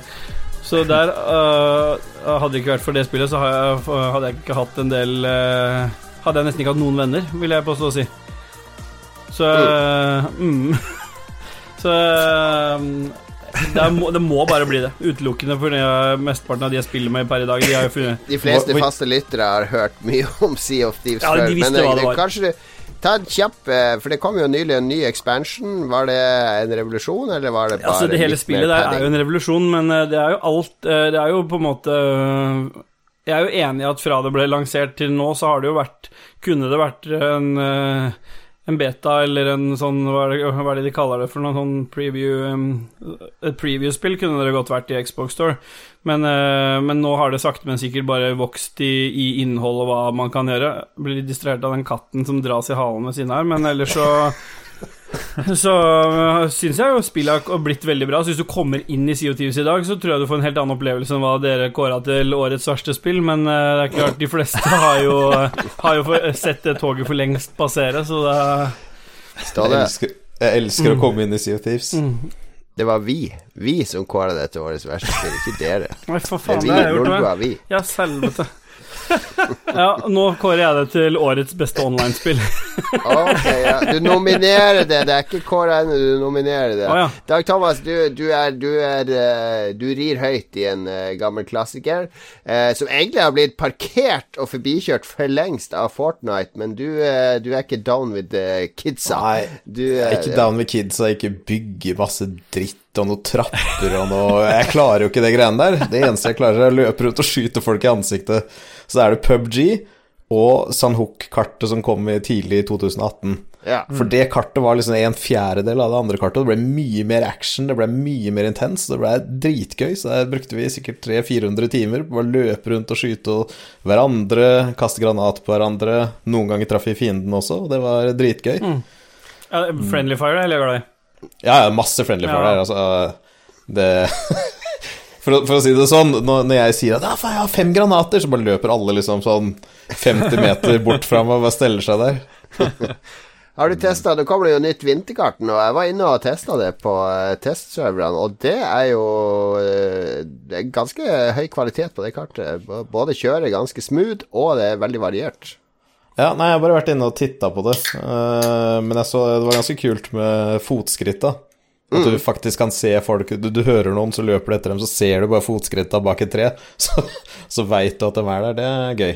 Fotskritt, sier dere, sier dere fotskritt nede i, i, Moss. der du kommer fra? Jeg vet ikke, jeg pleier ikke å si det så veldig mye. Se på de fotskritta. sånn. Er det skritt? Fotskritt Fot, ja. Se på fotsporene! Du går ikke i skogen! Jeg klarer ikke. Altså er det vel snøscooter òg med nye kartet, har jeg hørt rykter om. Ja, det er fett, det. Nei, jeg har ikke, jeg i hvert fall ikke Vi har ikke spilt det noe særlig, for vi har bare spilt Path of Exile. Men uh, det blir vel å teste når det er uh, Det kommer nå rett før jul, så da kan man låse seg inn på et rom med akevitten og feire jul i det nye pub-kartet. Jeg må nominere Monster Hunter World, som uh, Ståle nominerte som årets skuffelse. Er, jeg skjønner godt at mange ikke fikk grep på det spillet, men det er veldig høy terskel for å komme inn i det spillet, fordi det er um, det er så stiv, stiv combat og hele den greia der, men det er egentlig enormt mye dybde i det. Så, eh, så jeg spilte masse da det kom på PlayStation, og så begynte jeg å spille det på PC òg, men jeg har jo rett og slett ikke tid. Eh, Så jeg skulle ønske jeg hadde mer tid til å virkelig grinde de kule rustningene i Monster Hunter World, men de gjorde jo Men har, du, men har du spilt det online i det hele tatt? Nekter ja, jeg, jeg, spilte med vår venn eh, Spion eh, fra oh, ja. hytteturen. Eh, Han spilte masse på PlayStation. Jeg og han drev og spilte der og prøvde å rekruttere andre, men alle satt jo bare da og insisterte på å spille Destiny 2 når det var på det verste som spillet, eh, serien noen gang har vært. Så, så det var jo håpløs oppgave. Men jeg, jeg spilte ganske mye. Jeg spilte i multiplayer og eh, Det de har gjort, er jo tatt Altså, det var jo veldig ekstremt eh, smalt når det var på DS, for da var det, det var utrolig vanskelig å få folk med på å spille på DS, for da så det jo helt ræva ut, det var 15 frames i sekundet og alt mulig sånn. Men det var et dritbra spill som gjemte seg der òg, men nå ser det jo helt smashing ut. Og så har det, det har blitt veldig bra, de har gjort mye sånne eh, forenklinger som som gjør det litt mer casual, uten at de har mista den der eh, harde kjerna med at du må lære deg et våpen og trene i det våpenet i 100 timer, uten at du får masse nye skills og moves. Du bare blir flinkere og bedre og lærer mer. Ok, eh, jeg, jeg spilte demoen, og så gikk det i sånn her tre frames i sekundet. Så tenkte jeg det her Min stokk PS4 klarer ikke å kjøre det her, så da må jeg bare hoppe over. PS, eh, sånn eh, andre ting Du kjøpte deg jo PS4, gjorde du ikke det, Dag Thomas? Nei, du fant frem Nei. din gamle. for å spille Red Dead. Har du liksom Ja. gjort noe mer med den enn er det kun Red Dead det har gått i, liksom? Nei, jeg kjøpte meg God of War og Horizon Zero Dawn, men det har jeg spart i februar, Ah, når jeg får okay. barn. Ja. Oi. Når du får barn, ja. For du tror da blir det mye spilling, eller? Ja. Da, det er liksom Det er viktig å ha den fantasien og den Illusjonen. iveren. Husker du da jeg skulle ha, jeg skulle ha fire måneder perm med han yngste min? Så da, da skulle jeg spille gjennom hele Yakuza-serien. jeg kom halvveis gjennom det første, husker jeg. Jeg sa, jeg, jeg, det var min periode med Heartstone, var uh, min siste permisjon jeg hadde med, med yngstedattera mi. Det var, var det eneste jeg hadde tid til. Ser Dag Thomas dør sakte innvendig. Nei, Nei nei Dag Thomas er en veteran. Han klarer å få det til. Ja, Lars, din ja. årets online multiplayer-opplevelse. Ja, er Kommer du vel med noe sånn å, sjakk.chess.com eller noe sånt type? Chess.com. Vet du hva, runner-up er chess.com. Veldig, veldig bra. Det beste multiplierspillet Ja, i verden. kom med den du har. Jesus. Sjakk 1000 Ta år et par runner-up nå, bare for å fyre opp stemninga. Vi har tonn med kategorier igjen. Kjør på! Peis. Sanddyn i Persia hvor de satt. Nei, men ok. eh, Destiny 2, selvfølgelig. Hæ? Det er ikke noe, det er ikke noe å ruge på. Destiny 2 online. Du har ikke spilt Destiny 2 på et år. Du har ikke spilt Destiny år. på eh, år og dag. Jeg har prøvd å få deg med på masse. Hvilken power level har Åssen du? kan det være din eh, det, jeg, jeg, vil, jeg vil stemme imot at det er ditt valg. Hva? Det er jo veldig Du har ikke om spilt det, Lars. jeg spilte det jo de første seks månedene i året, eller jeg vet ikke, i hvert fall mange mange måneder. Etter det så har jeg jo ikke spilt noe særlig online, så jeg vet ikke hva, hva dere mener. jeg Bare skal spilt Magic Card. Jump. Ja, nettopp. Det er ikke så mye online. Ja, ja, ja. Vi går videre. Nå skal vi stemme her. Men jeg må jo få lov å argumentere. Destiny 2 i dag, eh, sier sikre kilder, er veldig, veldig bra. Selv om jeg ikke spiller det i det hele tatt. Så syns jeg jeg vil be dere stemme på det, da, fordi jeg mener Monster Hunter World, ingen vet hva det er. Ingen vet hva det er for noe. PUBG, det er sånn gammelt, gammelt spill. Veldig kjedelig å nominere det. Sea of Thieves, Jeg, nuff sy jeg syns vi kunne stemt på Sea of Thieves, jeg bare for å få en, en sånn helt spesiell liste for bare Lolbua klarer å få fram. Ja, det, det har du helt rett i. Det har du helt rett i. Ok, ok. Hva? Nå begynner vi nederst. Står det Hva stemmer du på her? Ja, da må jeg jo si uh, Destiny 2, da. Og takk, Thomas? Jeg sier Sea of Thieves. Da sier jeg Kom igjen nå. Jeg sier Sea of Thieves. Ja, det gjør du, vet du. Da er med. Sea of Thieves. Sea of Thieves. Ja, i hvert fall i de ti, i de ti timene jeg spilte, så hadde jeg det kjempemorsomt. Det sto Nettopp. Jeg fløy rundt og slo skjeletter, og jeg hadde seila rundt og fant Ja, ja. skatter. Den ene gangen jeg spilte 100% enjoyment eh, Jeg har aldri Prosentmessig så har jeg aldri kost meg så mye i et spill av total spilletid. Hvor mye, det, hvor mye prosent vil du si du kom opp i, eh, Lars? 100 Alltid enjoyment. 69. 100 Ja, ja, ja. 100% online enjoyment, Sea of Thieves, altså. God jul, kjære Lolbua. Det er Rune fra Level Up her. Dere spurte meg om ikke jeg kunne komme med mitt favorittøyeblikk fra spillåret 2018, og det gjør jeg selvfølgelig gjerne. Vi må til Red Dead Redemption 2, et spill jeg nå nesten har runda tre ganger, og det er faktisk ikke kødd. Jeg er i epilogen for tredje gang, men den andre gjennomspillingen var den beste. Grunnen til at jeg syns det, er at første gang jeg spilte gjennom, så rusha jeg historien litt, og det var greit nok, det. En bra story. Jeg ville se hvordan det gikk. Men andre gang så klora jeg meg fast i kapittel fire uten å gå videre. Jeg slutta rett og slett å tenke på historien, og isteden så bare rei jeg ut på hesten min og gjorde alt det gærne greiene som jeg kunne gjøre, som jeg ikke hadde gjort ved første gjennomspilling. Jeg jakta på legendariske dyr, jeg leita etter seriemordere, jeg hjalp fremmede i nød. Jeg gjorde en hel haug med disse challengene man kan gjøre for å få bedre utstyr hos eh, The Trapper. Jeg glitcha meg til og med inn i det området som er låst før epilogen for å gjøre noen av disse challengene og for å jakte på noen av de legendariske dyrene man finner der. Jeg leita etter dinosaurbein og masse, masse, masse annet. Det her pågikk i ca. en uke. Jeg var ikke innom campen i det hele tatt. Jeg var bare der ute og koste meg. Til slutt da, så hadde jeg gjort alt jeg kunne gjøre. Jeg kom rett og slett ikke videre. Det var ikke mer å finne på uh, uten å få historien til å gå videre. Så til slutt så dro jeg tilbake til campen. Skjegget til Arthur var så langt det er mulig å få det. Det var rett og slett et sånt skikkelig buste-busteskjegg. Jeg hadde drikket masse hairtonic for å få det så langt. Og det å komme tilbake til den gjengen der etter såpass lang tid var en utrolig rar opplevelse. Etter å ha brukt utrolig mye tid med den gjengen tidligere i spillet, var det litt som å møte en gjeng med fremmede. Jeg gikk rett og slett bare rundt og hilste på alle sammen, hadde de samtalene jeg kunne ha, osv., osv. Det var litt som om de ignorerte meg, kanskje de også hadde glemt meg lite grann. Og så vokste det en sånn følelse inni meg som var en blanding av eufori for alt det kule jeg hadde gjort med Arthur, og sorg for det jeg visste var i vente. Og så begynte jeg å tenke litt på hvor stor plass Red Dead Redemption 2 hadde hatt i livet mitt på ekte. Og jeg må innrømme at det var noen likheter der. I den uka som jeg hadde vært ute og lekt meg med Arthur, så er det mulig det var det aller viktigste i livet mitt akkurat der og da. Det var ikke sånn at jeg bare ignorerte ungene mine og kona og sånne ting.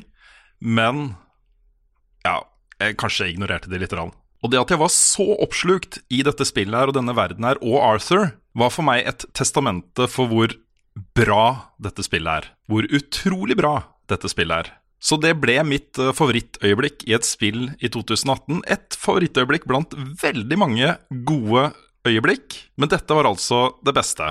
Jeg mener Arthur Morgan faktisk er den aller beste spillrollen noensinne. Nå, Lars, kan du bare ta deg pause, for nå er det spill der man må tenke årets puslespill. Eh, du har jo allerede sagt at tenking er ikke noe for deg. Eh, årets puslespill. Dag Thomas har meldt seg ut. Han uh, driver ikke med sånt. Jeg spiller ikke puzzlespill, så jeg spilte uh, Det som var i 2016, når du skulle tegne noen sånne streker på noen sånne greier, ble jeg så jævlig forbanna at jeg bare sletta Penn og papir, altså. Jeg ser jo at de andre er både jeg og Mats og Ståle, har nominert Tetris-effekt. Har du jo det, Lars? Ja. For det er eneste spill puzzlespill du har spilt. Jo en genial, uh, clean uh, greie der. Tetris Effect, altså Tetsuya Mitsuguchis uh, Det Han har tatt alt som Tetris har vært opp gjennom årene, og remiksa og fiksa og, eh, og gjort det til en absurd, eh, fantastisk flott opplevelse. Det er verdens beste spill, eh, Tetris Effect. Ja, det er, drit, det, er, det er viktig å presisere at det er knallbra. Så det har du en PlayStation, så må det lastes ned. Du vet, dette tempoet liker jeg. Årets plattformspill, og da må vi først definere Det er neste kategori. Hva er et plattformspill, eh, Lars? Hva er det du legger i det? Mye hopping. Hoved, hoveddelen av spillet er å hoppe, og du må liksom være litt eh, dekstriøs. Eh, veldig mye brett. Eh, Alt som har med 2D det er sånn dek Deksspill. 2D-deksspill, ja, vil jeg si. Ja. Jeg vet at alle magas anerkjente magasinet Edge De mente at et plattformspill var et eh, spill som handla om miljønavigasjon. Altså du skal navigere deg gjennom et eh, miljø, enten i 3D Ja. eller 2D. ja, ja, jeg er enig i det. Det kan være Så det er navigeringa som er fokus i Ja. Altså, ja. Det. All right, skal vi begynne Jeg kan begynne helt i midten på Mats, som har nominert Dead Cells. Men det kan vi stryke. Det er ikke et plattformspill, er det det? Det er jo Er det fortrinnsvis miljønavigasjon som tar livet av deg når du navigerer feil, eller er det at du blir drept av fiender som du skal bekjempe med å utøve vold?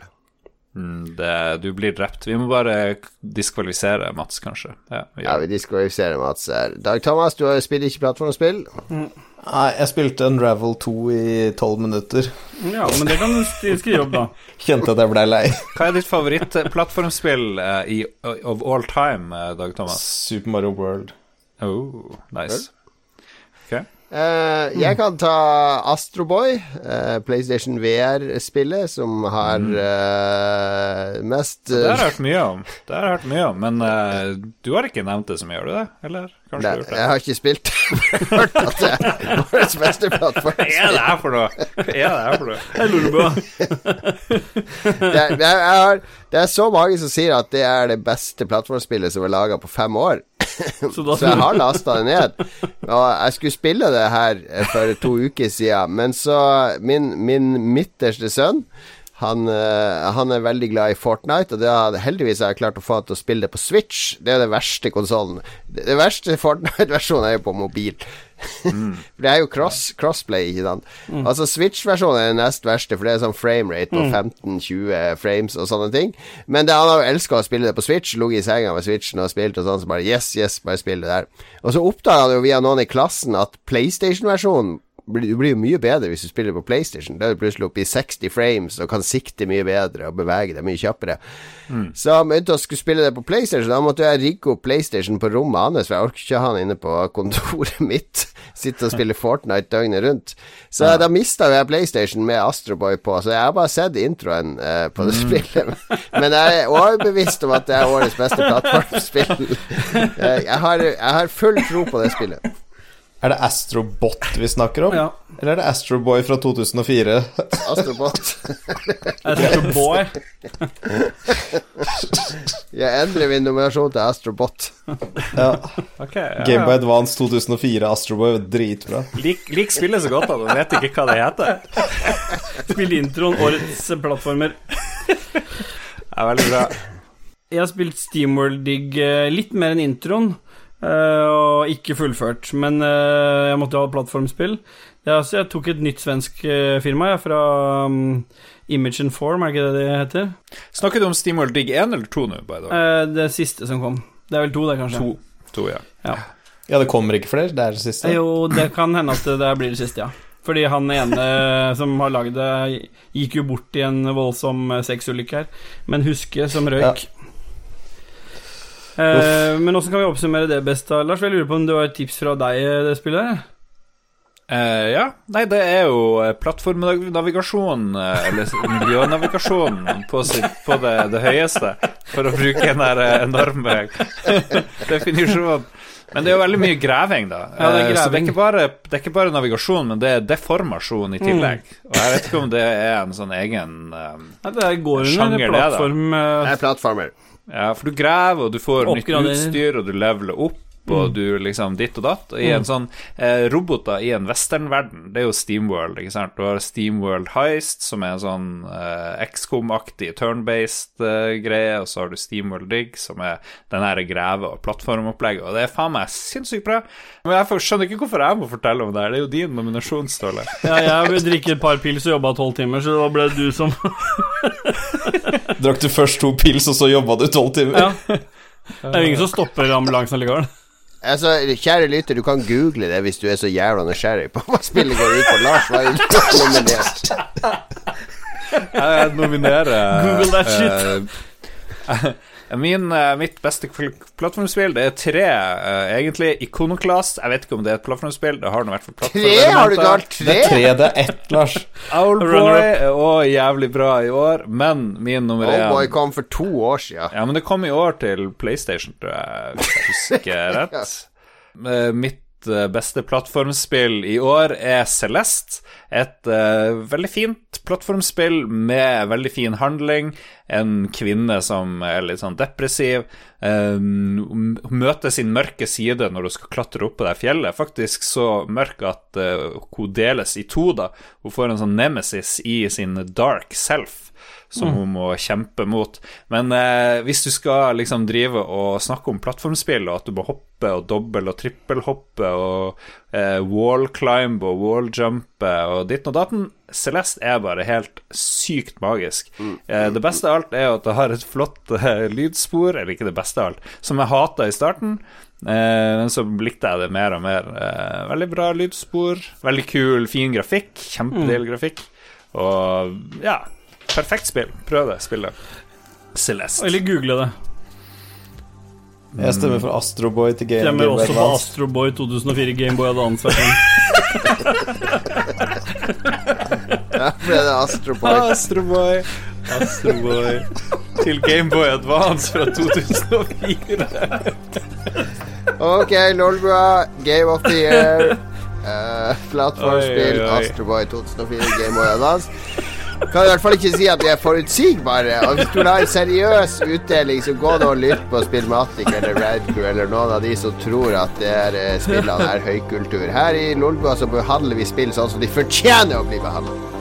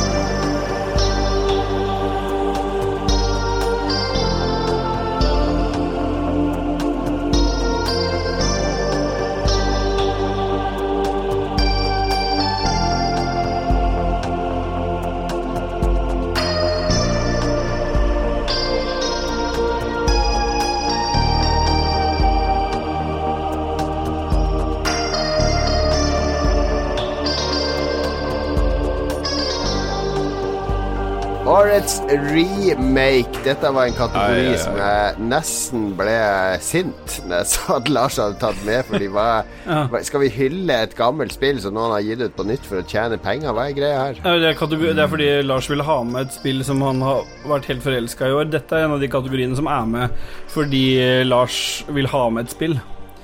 Ja, nettopp, nettopp. Ja. Ja. Ja, får du begynne da, Lars. Få høre hva du har tatt hva, hva er det du skal nominere her? Eh, Det kunne vært ganske mange eh, spill som er min nummer én. F.eks. Donkey Kong Tropical Freeze. Tror jeg kom i år. Kom det i år til eh, Switch? Litt usikker. Det var da jeg spilte det i år. Captain Toad Treasure Tracker uh, syns Ja, jeg også var veldig bra. ja. Men Shadow of the Colossus mm. til eh, PlayStation 4 Magisk, magisk, magisk. Spilte bare sånn 10-20 minutter til sammen, men jeg så en annen unge spille hele spillet for meg. Den beste måten å oppleve Shadow of the Colossus på. Ok, Shadow of the Colossus er jo Team Aiko og han derre gutten som skal drepe tolv kjemper for å redde kjæresten og ditt og datt. Det spillet som alle sånne artsy eh, spillkritikere drar frem som en skjellsettende opplevelse hvis du takler ti frames i sekundet og ferdige kontroller. Det er jo, det er jo faktisk en re remake, for det kom jo først på PlayStation 2, og så kom det en remake til PlayStation 3, en remaster, og her er en re-remaster. Ja, men den er ikke tre frames i sekundet. Det er, det er knallharde 25 frames i sekundet, jeg er ganske sikker på. Ja, jeg lurer på om det er et sånn polsk sånn remake-studio som nå anses til å være de flinkeste i verden til å remake Bluepoint, spill. tror jeg. Kategorien din, Lars, Ja. tillater ikke mange spill, egentlig, siden det ikke står remaster. Det er jo egentlig bare Spyro og Crash Bandicut og Shadow of the Colossus som er remaka. Ja, jeg remake, remaster, whatever. Ja, her unnskyld. skal jeg- Jeg kan, jeg kan slenge inn mitt med en gang. Jeg har jo Red Dead Redemption 2 som min årets remake. Fordi i, uh, i Red Dead Redemption 2 så er jo hele Red Dead Redemption 1-kartet. Så de har bare slengt over i Red Dead Redemption 2. For jeg, jeg satt og tenkte i fem minutter på TV-en. Hva slags remake har jeg spilt? Jo, jeg har ikke spilt en eneste remake. Jeg aner ikke hva, hva som har kommet av remake, så da ble det Red Dead Redemption 2. knallhard eh, research Mm. fra din side der, eh, med andre ord. Oh yeah. Uh, Ja, du Mats- det jo link til sånn Wikipedia-artikkel med 5000 spill. Her er alt som kom ut i år. Les gjennom Ja, den var fin, jeg brukte den, jeg. Ja. Ja. Mats uh, foreslår Path of Exile eh, 3,5 Betrayal. Eh, ja vel? Jeg vet ikke. Er det en remake? Like mye remake som Red argument som han har, han har skrevet et argument bak, hvis du ser i parentesen der. Et awesome team som lager spillet sitt på nytt igjen flere ganger per år. GGG, we love you. Ok. Ja. Stakkars Mats ute på plattform. Vi får ta han med av og til her. Han burde jo være med å kåre årets plattform.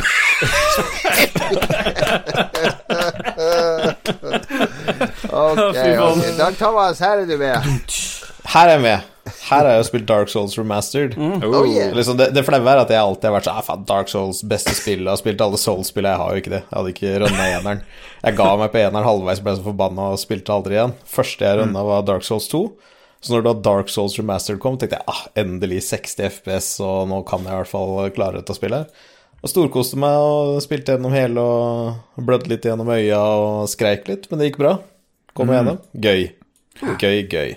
Du spilte det på Switch, ikke sant? Ja.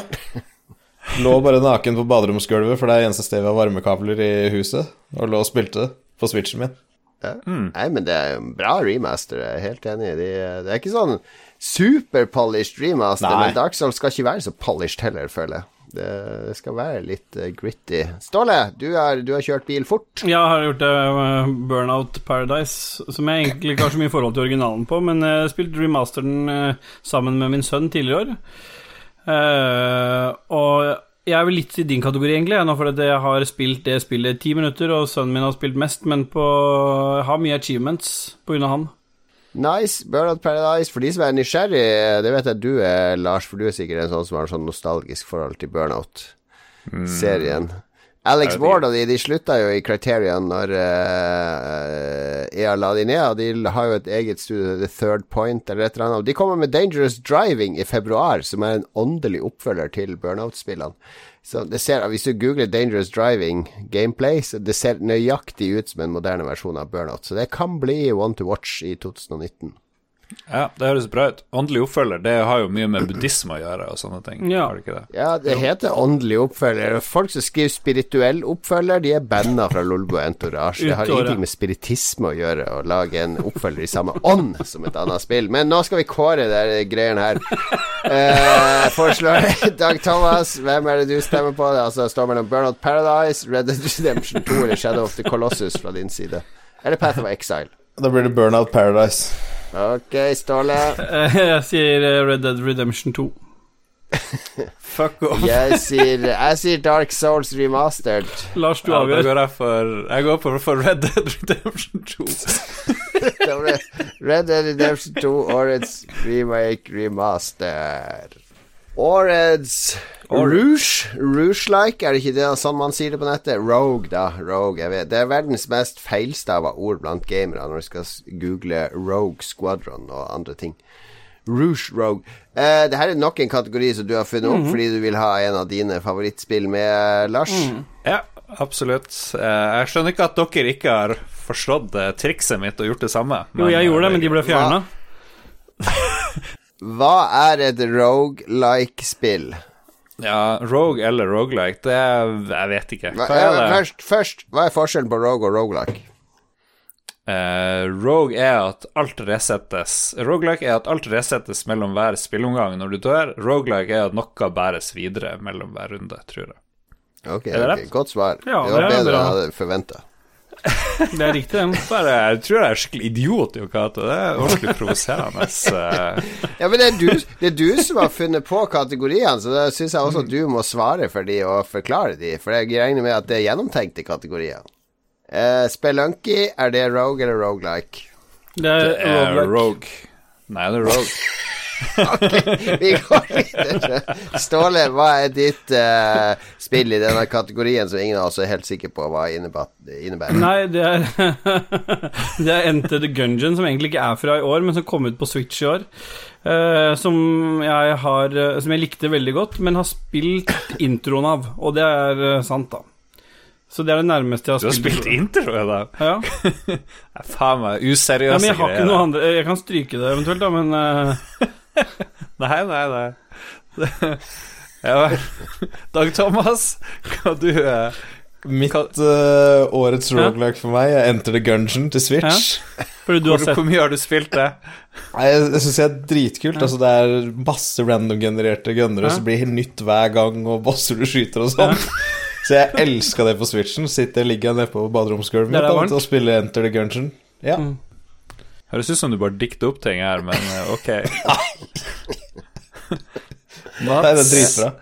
Mats han bidrar med Dead Cells. 1-0-release, ja vel. Han er litt sånn her hipster på akkurat det der. Det er ikke Ja, liksom han, eh, han har sikkert en 1-0-bild, for han likte ikke den 1-1-bilden, så han eh, spiller den gamle bilden fortsatt. Det, du skal vel også nominere Dead Cells, Lars? Jeg gjør det, jeg gjør det. Jeg Ja, kan jo si hva det handler om. Litt Ja. mer om dette franske uh, Rogue Castlevania-aktige spillet. Om det blir min Game of the Year, så må folk ikke bli uh, overraska, for det er noe av det jeg har spilt mest i år. Du er en slags uh, ukjent soldat. Du våkner opp uten minner i, i et fengsel i et uh, svært fort, hvor det har brutt ut en, en sykdom. Eh, Som har gjort, eh, gjort noe, noe veldig rart med, med hele eh, slottet. Em, du bryter deg ut og møter litt sånn rare folk. De fleste er fiender, men av og til, mellom hvert brett, så møter du folk som du kan oppgradere evner hos, og, og så videre. Du kan ha to, nei, tre items. Du kan ha tre items på deg, og du bestemmer sjøl hvilken type items det er, og så kan oppgradere du de etter hvert da, mens du spiller. Eh, men så er det noen få upgrades du tar med deg mellom hver runde. Og grafikken er helt sinnssyk, musikken er helt sinnssyk, stemninga er sinnssyk. Det er jo fransk, ikke sant, så det er veldig, veldig weird. Eh, veldig weird og veldig rart og veldig bra gameplay. Det Kontrollene er Herregud, for noe forutinntatt. Du er jo masse fransk drit. Eh, alt fransk Alt fransk er bra, det vet vi jo selvfølgelig. Okay, som Ok, har spilt frankofil eh, Hvilke spill kan du sammenligne slåssinga med? eh, ja, nord og sør. Eh, franske spillet nord og sør minner veldig Nei da, det gjør ikke det. Ok, ja. Jeg tar uh, Into the Breach er min nominasjon. Det er jo laga de karene bak uh, FTL, uh, hvis dere husker det. FTL-spillet var jo et av de som satt Rogue-sjangeren på kartet igjen. Eh, dette romskipsspillet. Og i, i Into the Breach så styrer du er jo sånn skvadronleder. Du har tre eh, sånne ulike mekka eller tankser eller artilleri, så du setter ned på sånne små kart med rut, rutekart, og så skal du slåss mot uh, aliens. Uh, altså Greia er det er jo egentlig eh, fysikken. Du kan dytte via eksplosjoner, dytte ut i vannet og sånne ting. Det er utrolig smart laga, for det er egentlig et puslespill forkledd som et strategispill.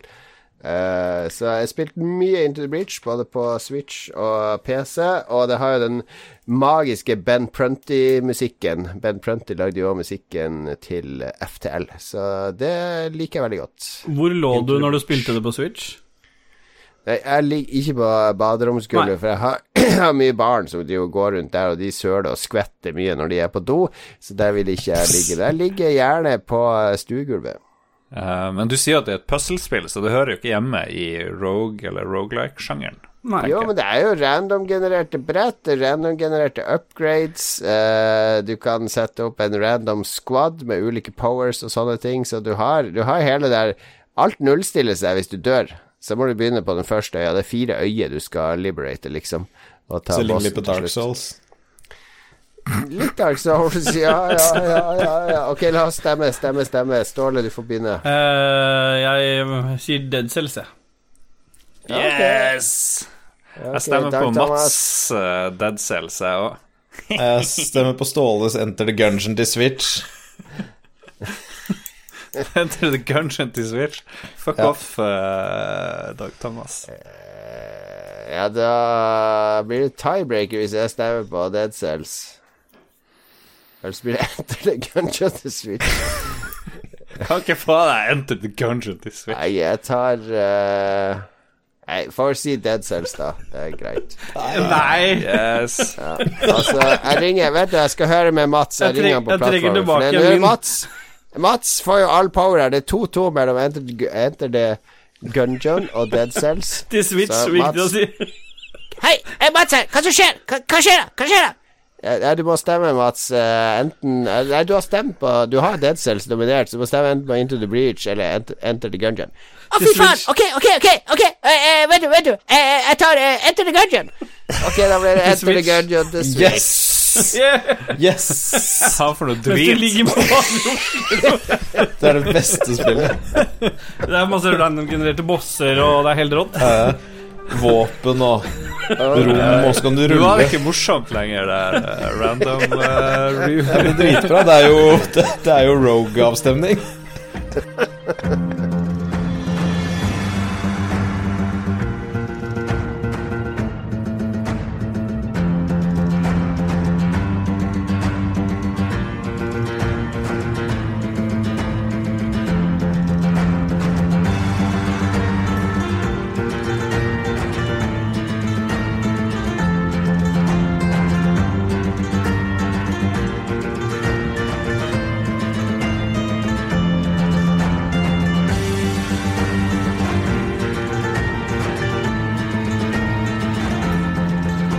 Ok, årets spillmusikk.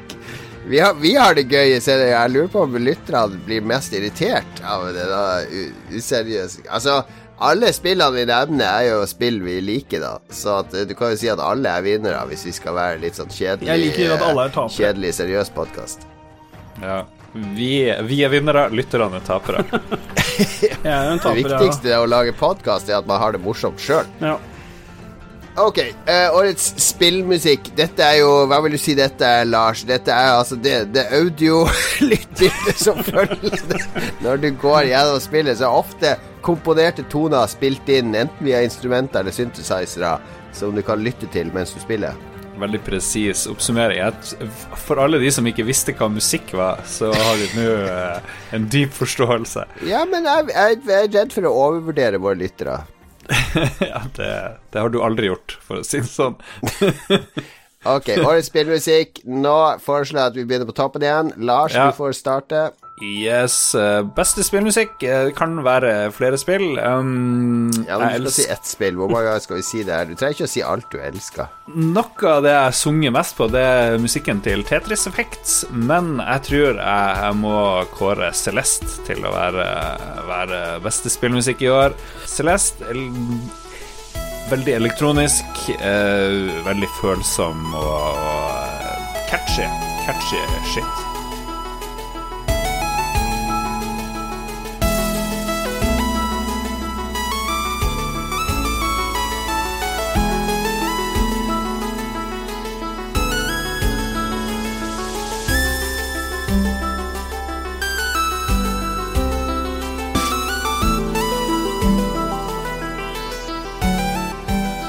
Har Tetris Effekt den klassiske Tetris-musikken?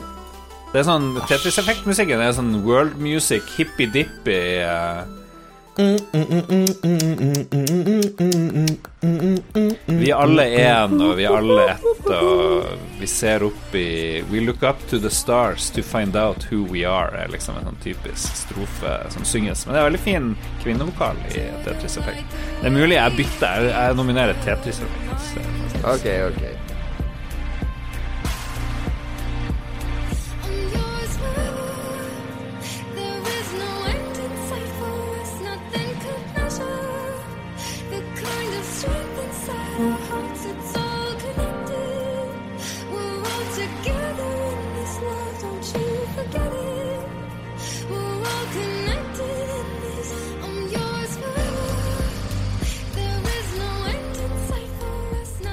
Det er det er fint. Eh, ja, det er veldig fin musikk. Det er Det er også litt sånn magisk hvordan eh, eh, dine bevegelser spiller inn sammen med musikken. Alt går i rytme og sånn. Det er ganske hypnotiserende. Min nominasjon er uh, Jeg tar et ferskt spill som kom nå. Super Smash Bros. Ultimate. Flere kjenner sikkert det. Visste dere at det er 800 sanger i det spillet? Jesus.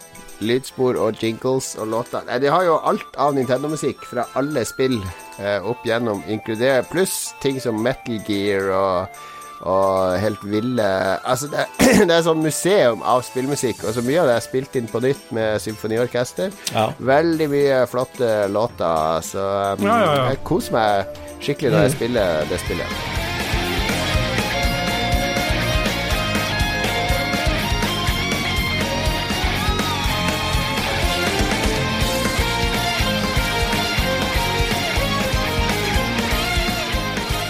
Så ja, Smash Bros. Eh, kjempegedigent Nintendo-museum. Eh, altså, hadde du kjøpt det soundtracket, så hadde det kosta mer enn eh, Spillet. enn spillet, da. Hvis du skulle ha kjøpt alle de låtene i en sånn CD-boks. Men hvem har CD? Det er jo ingen av oss som gidder å spille Super Smash Bros. Da. Det er jo liksom problemet. Jo, Nei, Ståle har vel Super Smash Bros. Ultimate, har du ikke det? det er helt riktig. Det er akkurat som uh, Dark Souls. Det er veldig fatalistisk slåssing. Jeg, jeg, jeg trodde ikke jeg skulle like det. Jeg er ikke noen Smash Bros-fan, men uh, det, er, det er en sånn gjennomført pakke som jeg ble Jeg sitter faktisk og spiller det uten ungene. Uh, Ja, det er det jeg har gjort nå. Har du spilt den story-delen? Ja, det er litt rart. Ja. Spirit-delen. Ja, Spirit-delen er veldig kul. Så open your mind, uh, Lars, Begynn å like spill, Lars. and your heart will follow. Look up to the stars. Mats har nominert eh, Red Dead Redemption 2 eh, med solid og deilig minimalistisk musikk, og det er jeg jo helt enig i. Det er også Musikk brukes veldig effektivt der. I noen få sånne transition-scener der, du har, der det er en sånn stor story ark, eh, og så er du med folk som Willy Nelson og, og Nas er med. Det er en ganske bisarr blanding av Josh, Josh Homme er vel også med fra Queens of the Stone Age med en låt. Så det er veldig, veldig flott musikk i det spillet, altså. Det er jeg enig i. ok, nå er det latterkrampe igjen. Hva er det nå, Ståle? Nei, det, nei, det kan jeg komme til på neste Jeg var bare jeg som så litt videre i sendeskjemaet. Jeg t- beklager eh, min oppførsel der, altså. Det her går ikke. Nei. Det her går ikke i lengden. Nei. Nå er det Dag Thomas, Dag Thomas har skjønt greia nå, at det, du trenger ikke å ha spilt spillet. Jo, jeg, jeg, kan ta, jeg kan ta musikken fra et av mine favorittspill, som er en visuell novelle til PS Vita. Det er Psychedelica of the Ashen Hawk. Jesus lord. Der tror jeg også du har Willy Nelson med på et spor. Herregud. Og Kurt Nilsen har også et spor der. Så det er jævlig bra musikk der. Kurt Nilsen? Fra 2004? Ja. Ja, det visuell novelle. Okay. Psychedel Psychedelica of Ashenhawk til Vita. Fuck off, Dag Thomas. Det er jo Vitaens år, dette her, da.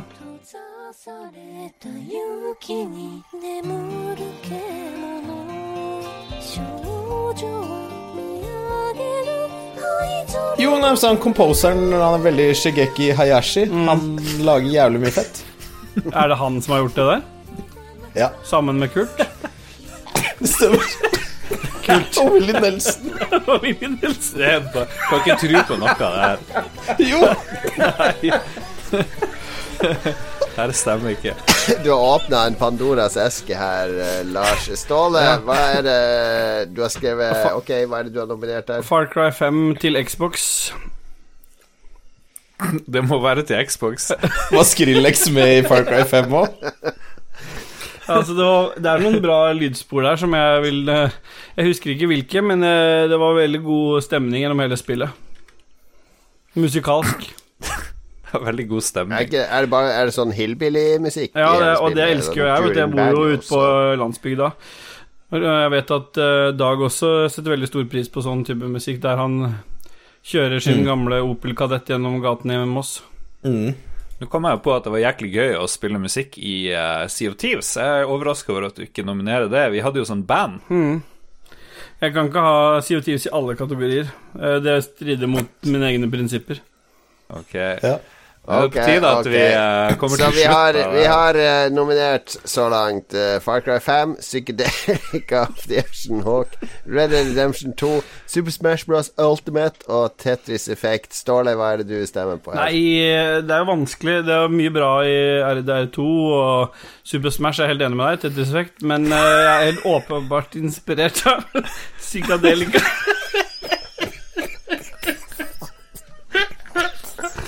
Ok, én stemme til Psychedelic det er Ashton Hawk. Dag Thomas, hva er det du stemmer på?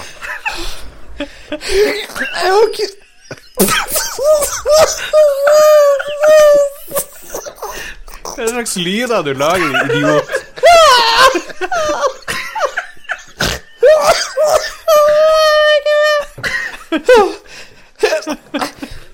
Jeg holder på mitt og steller på stemme på psykedelika, og Det er så vondt. Det er ikke lov å stemme på sitt eget spill. Å, kan jeg ikke det? Nei, Nei. må stemme på noe annet. Det blir Far Cry 5 til Xbox. For det hørtes så strålende så god opplevelse der. Og det setter jeg pris på. Herregud.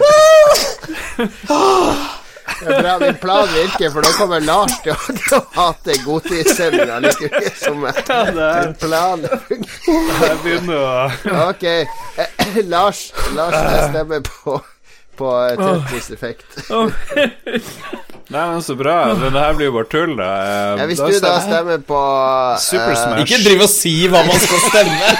Da stemmer vi at vi følger hjertet. for da Hvis du stemmer på Super Smash, så får jeg ringe til Mats, som skal avgjøre det, vet du. Ja, jeg stemmer på Super Smash Bros. Ok, jeg ringer til Mats, da.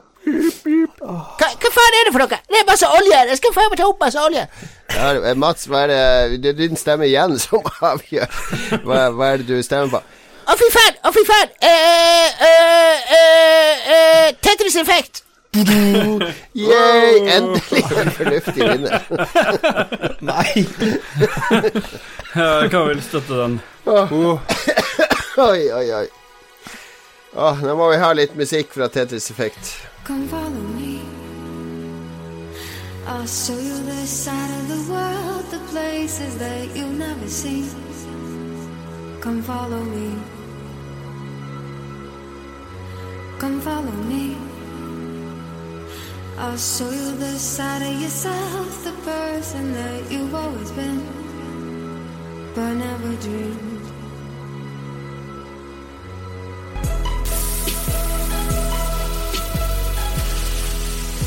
What could you be afraid of if I'm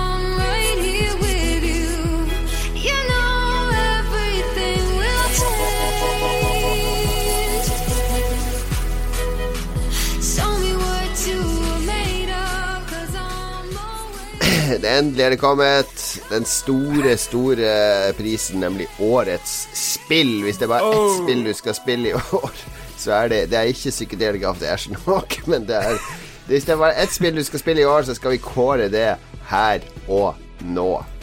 Eh, jeg foreslår at vi får unna Dag Thomas sin først.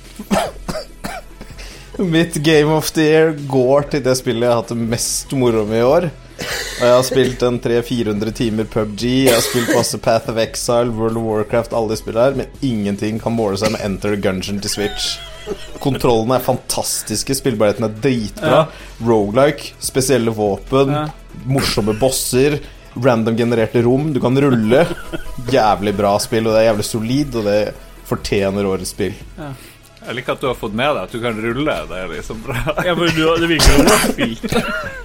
Jeg har spilt det på PC og, og på Switchen min. Ok, Enter the Gungeon The Switch er nominert av Dag Thomas til Årets spill. Eh, Ståle, det er vel ikke noe hemmelighet hva du nominerer? Så jeg nominerer Sea of Thieves til Windows og Xbox. Ja. Begge deler. Ja, det er det der, det er det det er ute til.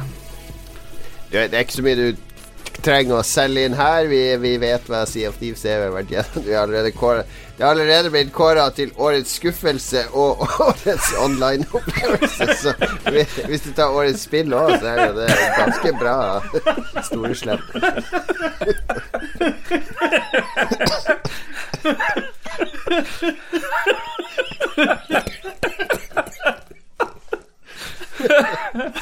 Jeg tror nok at uh, Enter the Gungeon til Switch uh, gjør det veldig bra, men vi får høre hva dere har å legge på bordet, gutter. Mats Mats har Red Dead Redemption 2. Han har ikke rukka 100 gjennomføre det ennå, men fuck it, det er vel sånn spillanmeldere jobber. LOL. Ja. Skulle bare visst. Han skulle bare visst Det var en eh, artikkel i Forbes som jo har blitt en sånn mystisk autoritet på spill etter hvert, hvor de mener at det er nesten ingen som har fullført det her Red Dead Redemption 2, bortsett fra spillanmeldere. Eh, og de skulle vel bare visst. Det er sikkert masse spillanmeldere som anmeldte, som ikke gidda å fullføre. Har alle dere fullført? har fullført? det. Jeg har fullført det. Ja, det tilbakeviste vi Forbes ganske fort. Jævla Forbes. Det eneste som ikke har fullført det her, det er spillanmelderen Lars. Ja, men jeg har jo ikke latt som jeg har spilt det heller, så Jeg har ikke fullført det med 100% men 87,7. Så mye du klarer å få etter at du har dem. Ja. Ja. Ok, ja det er rest, ok. resten av de 15 er jo til Switch. Min nominasjon er Tetris Effect fordi det er uh, Det er et spill Altså, du kan si mye om Enter the Gungeon, Sea of Thieves og Red Dead Redemption 2, men om 20 år så kommer Tetris Effect til å være like smashing amazing som i dag, mens de andre kommer til å være forbigått av uh, masse anna greier som gjør ting bedre. Men du tror ikke at Sea of Thieves står igjen som en sånn bauta i spillhistorien? da? Nei, jeg tror Sea of Thieves kan inspirere masse kule online-spill med det åpne, lettbeinte Ja, det er jeg helt enig med. de har. Lars?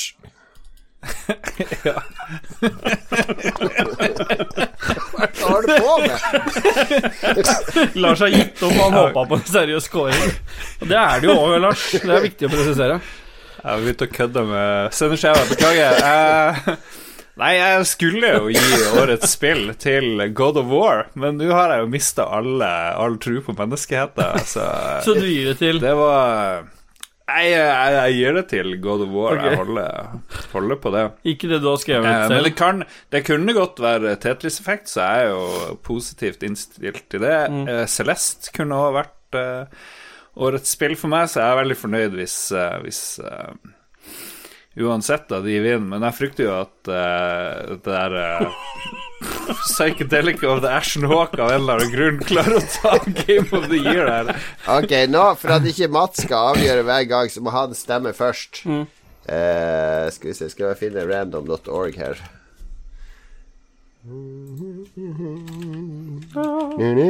Deutschland, Deutschland über alles.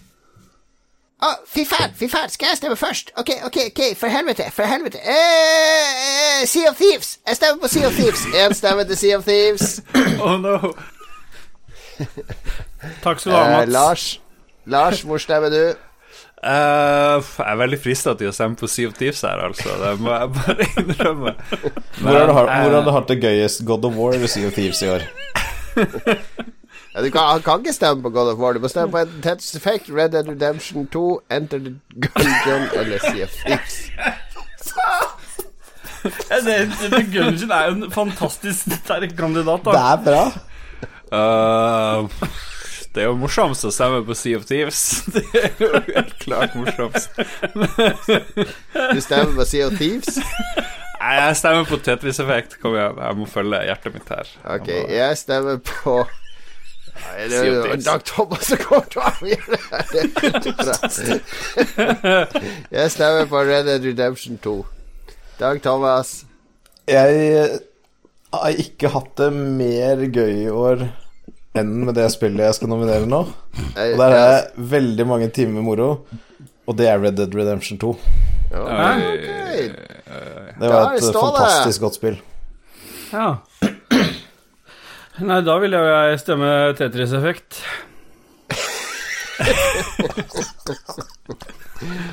Ok. Da er det Ja to til Tetris Effect og to til Red Dead Redemption 2. Men vet du hva, Stein, saks, papir.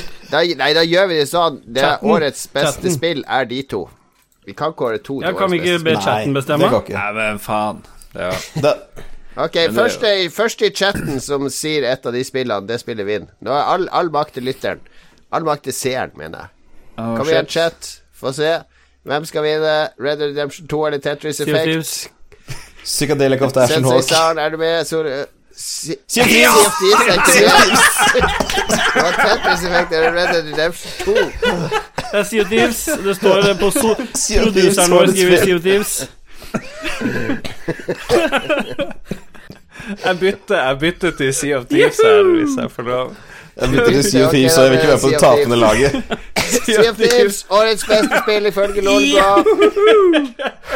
Skal vi, vi skal høre litt fra lytterne hva de, de Jeg tror lytterne har gjort en mer seriøs jobb enn oss. Så nå, hvis du syns det ble bare tull, slapp av. Etter, etter det da Sea of Thieves-trudelutten, så kommer lytterne sine beste spill.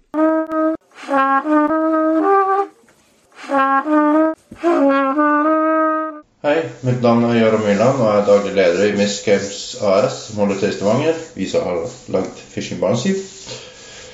Ja, mine beste spillopplevelser for 2018 uh, Nå har jeg ikke spilt så mye, uh, men uh, det må jo definitivt være Red Dead Redemption fra Rockstar. Med sin massive verden og alle detaljene de har lagt inn i spillet. Og bare det å få den muligheten til å på en måte oppleve det å være cowboy. Eh, et annet spill som jeg også har spilt, er Beholder, Beholder 2, som er et sånn lite mørkt adventure, puzzle, simulasjonsspill. Uh, hvor målet ditt er å bli statsminister i en diktaturstat. Uh, og så er det litt sånn herlig blanding av humor og en del sånn små puzzles og litt sånne ting utrolig spesielt, men veldig kjekt, faktisk. Eh, sånn grafisk så minner det litt sånn om man blander mellom Limbo og Papers, Please. Og kan eh, absolutt anbefales. Jeg har spilt en del andre spill gjennom 2018, men disse to er de som har satt dypest spor. Eh, og med dette så vil jeg ønske alle en riktig god jul og et riktig godt nyttår. Hei. Ok, lytterspalten. Lars, nå lener jeg meg tilbake og overlater det her til deg, fordi lytterne, det er ditt domene.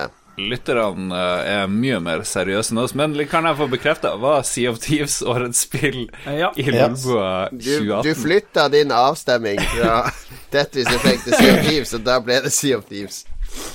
Både årets verste spill, øh, årets beste online-spill og, og Goti. Jeg bytta stemmen, jeg vil ikke være på det tapende laget. Så jeg of Thieves. Vi har spurt lytterne tre ting. Noen har svart på tre ting, noen har ikke gjort det. Eh, eh, vi har spurt hva er en opplevelse knytta til gaming som du kommer til å huske fra 2018. Vi har spurt hva er den store spillskuffelsen i år. Eh, det har jo vi vært innom. Og hva er deres favorittspill i 2018. Og førstemann ut er Ragnar Holst Veldig få kvinner som har gidda å svare her. Eh, Faktisk 0% kvinner, tror jeg. Det, det må vi be våre kvinnelige lyttere om å skjerpe seg. Men uansett, eh, hans store opplevelse i gaming fra 2018 er første gang han prøvde PlayStation VR og spilte Astrobot Rescue Mission. Det ser du, det hører du. Astroboy. Astroboy Gameboy Advance. Og han sier at han fikk den der barnlige lykkefølelsen av å oppleve noe genuint nytt, og det er jo den vi alle er ute etter ofte i spill, eller jeg er i hvert fall ute etter den. Eh, og så legger han til at han ikke har samsyn og ikke ser 3D, men det fun PSVR funker likevel, så det er jo et godt tips. Eh, stor spillskuffelse, Detroit Become Human. Eh, han sier at David Cage er søppel. Eh, favorittspill 2018, eh, Return of the Obra Dinn, eh, et spill jeg har spilt i et halvtime og anbefalt her, helhjerta. Det er tydeligvis bra. Sånn er det.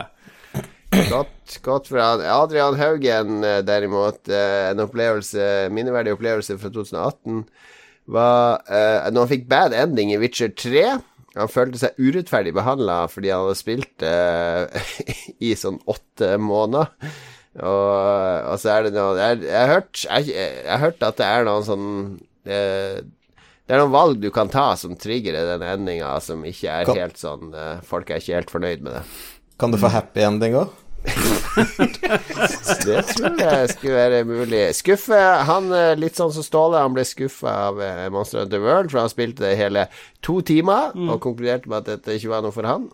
Uh, han er også skuffa over Fifa 19. Uh, Game of the Year, uh, Red Dead 2. eh, ikke så like interessante sidequests som i Witcher 3, men alle liker vel å være cowboy. Cowboy. Alle liker å bli kalt boy. Hey, boy. Ja. Alle liker å bare skal plukke den en rifle fra hesten sin og slå til de trynene som blir sparka og dør. Kan skje med de beste av oss. Peter Parker oppdaget Faktor i år. Definitivt det beste spillopplevelsen av noen Fader, no, Ståle, slutt å ha muspekeren! Se hva som står under. Jeg har ikke noen muspeker, jeg. Den beste spillopplevelsen og en sterk anbefaling til alle RTS-nerds der ute, men elsket Sea of Thieves. Faktorio, ja. Det har jeg titta på en gang. Og så fikk jeg angst, og så turte jeg aldri å laste det ned. Det er sånn uh, Notch-spill, sånn som Notch elsker å, å, å sitte og uh, hive inn på dop, og så sitte i 48 timer og bare uh, produsere enheter og logikk. Han Rolf Helge Øvergård Ingebrigtsen, da, han eh, nummer én minneverdig spilleopplevelse fra 2018 er følelsen av å få platinum i God of War. God of War. God of War, hey boy. Spesielt når det førte til at man fikk oppleve alt spillet hadde å tilby. Ehm, en skuffelse, så tror han faktisk det må være kontroversiell å si Red Dead 2. Jeg klarte, han klarte rett og slett ikke å sette seg inn i det, eller å like det. Er Rolf Helge alter ego til Lars? Ja, jeg lurer på det. Ja. Harstad. Yes, Rolf Helge. Er ikke han eh, producer? Ja, han er det. Ja, så teller jo hans litt ekstra. Og favorittspill i år må gå til Spyro Reignited Trilogy. Nostalgihjertet gikk varmt når man, når man uh, minnet strømmet tilbake. Det var godt skrevet, det òg. Av alle de fargerike verdenene og karakterene. Smilefjes. Jeg spilte aldri Spyro. Jeg spilte Spyro det originale i sånn her halvtime, og så dreit jeg i det. Uh. Vi var for gamle for Spyro. Og Aksel Hennie som var stemmen til Spyro i første Spyro. Spyro, Spyro Nei, det var Nei, Spyro. Spyro. Spyro. Spyro. Spyro. Spyro. Spyro. Spyro. Spyro. Spyro. Spyro. du? Spiro, Spiro! Hva du Spyro, hva du gjør i søppelkorgen?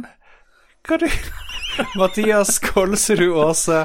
Uh, hans Goti Game of the Year er A Way Out. Maken Oi. til eh, bedre spillopplevelse skal du lete lenge etter. Bla, bla, bla. Samtidig kan vennskap ødelegges av en basketballkamp osv. Jeg ble jo nesten Jeg fikk jo nesten lyst til å drepe min venn Jens Arthur da han eh, Da vi ikke så øye til øye på slutten av det spillet, for å si det sånn. Mm. og han skryter veldig av Josef Fares, han er fulle idioten. Rusa. bra jobba, Josef.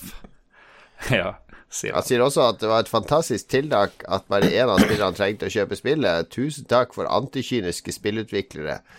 Eh, nå er jo det spillet gitt ut av EA, da, så det her er det jo et, et paradoksalt utsagn av de store, men fordi det var jo EA sin avgjørelse til syvende og sist. Men uh, Josef er en bra mann. Men der har jeg hørt at Mosaikk, eh, de som utvikler det, norsk spillstudio, har sagt at eh, Ja. det er jo sånn anti kapitalismespill, og der har de sagt at der er det kun én i husstanden som trenger å kjøpe spillet. Så der kan inntil seks spillere spille gratis på det ene. Det er i hvert fall det som ryktene sier, da. Ja, vi får se det kommer inn i Xbox Game Pass eller noe sånt, eh, så du kan sitte og spille en time av det òg, som alle andre Game Pass-spill du har lasta ned. Torbjørn Hope Andersen, eh, minneverdig spilleopplevelse fra 2018. A Way Out hopper på flere slike cow-up-opplevelser. Veldig kult konsept, sier han. Eh, skuffelse, ingen ny Donkey Kong Country.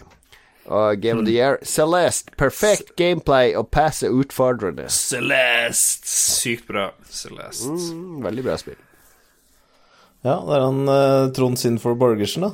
Ja, Vi venter på den der jinglen vi håper å få fra Trond eh, fremdeles. Du, du, du, du, du, du. Det er det level up-bruker. Minneverdig spillopplever fra 2018. Store singleplayerspill som tar veldig lang tid. Hilsen 400 pluss pluss timer i PubG. Spiller det singleplayer? Nå skjønner jeg ikke helt.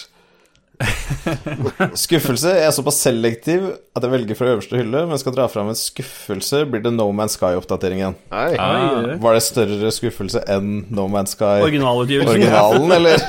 Han likte originalen veldig godt. Ja, han, likte ikke alt det der mikkmakket rundt. Ja, men jeg, jeg likte også No Man's Sky bedre uten oppdateringer. Da ble det jo masse Nei, drit. Lars. Du liker jo ikke å spille data, Lars. Men det er klart, vi har jo valgt ja. CO10 som årets spill, så hva vet vel vi? Ja. Ja. Game of the Year, God of War ble singleplayer-spillet jeg spilte meg gjennom, og for en fantastisk reise. Slike spill gir meg en veldig god historiefortelling og utfordring. Ti av ti. Det God of War skal ha, det er jo at de klarte å gjøre vikingsjangeren og vikingverden kul igjen. For den er jo litt sånn der eh, Jeg ser for meg sånne Vikings og sånne kjedelige Netflix-greier, mens de gjorde de om til superhelter, som var litt kul, faktisk. I motsetning til han der Thor, han der selvhøytidelige Thor i Marvel-universet. Han er jo kjedelig. Snakker du om Tore Hogås, han neste Hogas, han neste Ståle skal lese opp? Ja. Er det han dere snakker om? Ja, det er han Tor. Tore, da, Tor, Tor Hogås, minneverdig spillopplevelse fra 2018. Helgetur til Oslo med litt øl og spill på tilt med, med eldstedattera tror jeg kommer til å holde seg som eh, et fint Du, spill. det var fint. Ja, det var hyggelig. Det var fint minne. Det Det, var ikke et ordentlig minne. Ja. Skuffelse for en, fan- for en som faktisk har likt alt av Cage-nonsens, var faktisk Detroit Become Human en skuffelse. Dårlig design gjorde at det er altfor lett å få dårlige ending, en, endinger. RIP Kara. Ja. Game of the Year er eh, God of War, Spiderman og Spiderman. Kniver om førsteplassen på ballen. Har ikke kommet langt nok i Red Dead Redemption 2 til å kunne vurdere det. Jeg beklager tullet her, folkens. Vi driver og fucker opp i sendeskjema, så Ståle skal vanskelig å lese. Ja, for en intern episode det her blir. Ok, ja, men eh, God of War og Spiderman kniver om førsteplass på pallen. Og du som er en sånn God of War-elsker, Lars, og Spiderman hater eh, det, Ja. det her det er så mye paradoks her. Jeg skjønner ikke spill lenger. Nei, nei, sånn er det. Det er enigma wrapped in a riddle. Sånn er vi. Eh, er det min tur, da, Ja. kanskje? Eh, er vi på han Ole Jørgen? Jeg mista helt Ja, det er riktig. der. Ole Jørgen. Minneverdig opplevelse. Uh, klaustrofobiske følelsen du fikk av å spille Subnautica. Uh, og der det Subnautica har jeg ikke spilt, men jeg ser at mange liker det. Er det noen av dere som har testa det? For jeg tenkte kanskje det er noe Det er jo gratis nå, er det ikke det? Gratis på Epic Store eller noe Det sånt? var vel gratis i en dag, eller noe sånt? Nei, til 27. desember var det Oi. noen som sa. Det er vel verdt å laste ned. Det er et artig bygge... Ja, puzzle-actionspill. Ja, og Ole Jørgen Øvre, du står Han sier også 'psychedelica of the Ash', men jeg føler at det er noe historieforfalskning på gang. Skuffelse. Nei, det er ikke så morsomt. Okay. Come on, fuck off. Skuffelse, Octopath Traveler. Håpa å få Final Fantasy 7-følelsen, eh, men det var repetitivt og kjedelig. Jeg er helt enig. Jeg hadde glemt det her, Octopath Traveler. Brukte masse penger på det. Eh, Eller fikk jeg det gratis? Jeg husker ikke. Spilte i sånn her en time og syntes det var trasige greier. Trasige greier. Game of the Year, uh, ingen soleklar Goti. Subnautica, Monster Hunter World, Red Dead Redemption 2 og Dragon Quest 11. Er Mm. det Øystein uh, Reinertsen, minneverdig spilleopplevelse fra 2018. Da det gikk opp for meg hvor bra psykedelia Nei da. Da det gikk opp for meg hvor bra Yakuza-spillene egentlig er. Var en helt vidunderlig følelse som jeg tror det blir lenge til jeg kjenner igjen. Det er bra. Jeg har prøvd å konvertere folk til Yakuza i mange år. Jeg har prøvd et av de spillene, og jeg, vi har spilt mange timer òg. Men jeg sliter Mm. liksom med å få helt uh, taket på det. Må jeg Ja, like ja, ja. Det er, det er samme spørsmålet andre har om Sea of Thieves, eh, Ståle. Ja, likevel så er det årets spill ifølge Lolebø, så hvem vet? Ja, hvem vet. Den største skuffelsen hans, det Øystein, er vel at det fremdeles produseres Pokémon-spill. Ingen fan av det. Ok. Tre Gear. Mine favorittspill er Hitman 2, Yakuza Kiwami 2 og Dragon Quest og Red Dead Redemption. Ikke veldig originalt, but hey, that's life. Ah, yeah, boys! Kristoffer Getto Boys! Minneverdig spilleopplevelse fra 2018. GamePass, fantastisk opplegg. Har fått oppleve så mye nytt som jeg aldri hadde orka prøve engang. Det, det er sikkert sant, det, når man får ting gratis. Uh, Game of the Year Sinner, for det var en helt ny spillopplevelse som ga en mestringsfølelse jeg ikke har spilt siden jeg tok Bloodborne på Så googla jeg det, tenkte jeg hva betyr no, no death Men det er no death run. Så det er rått.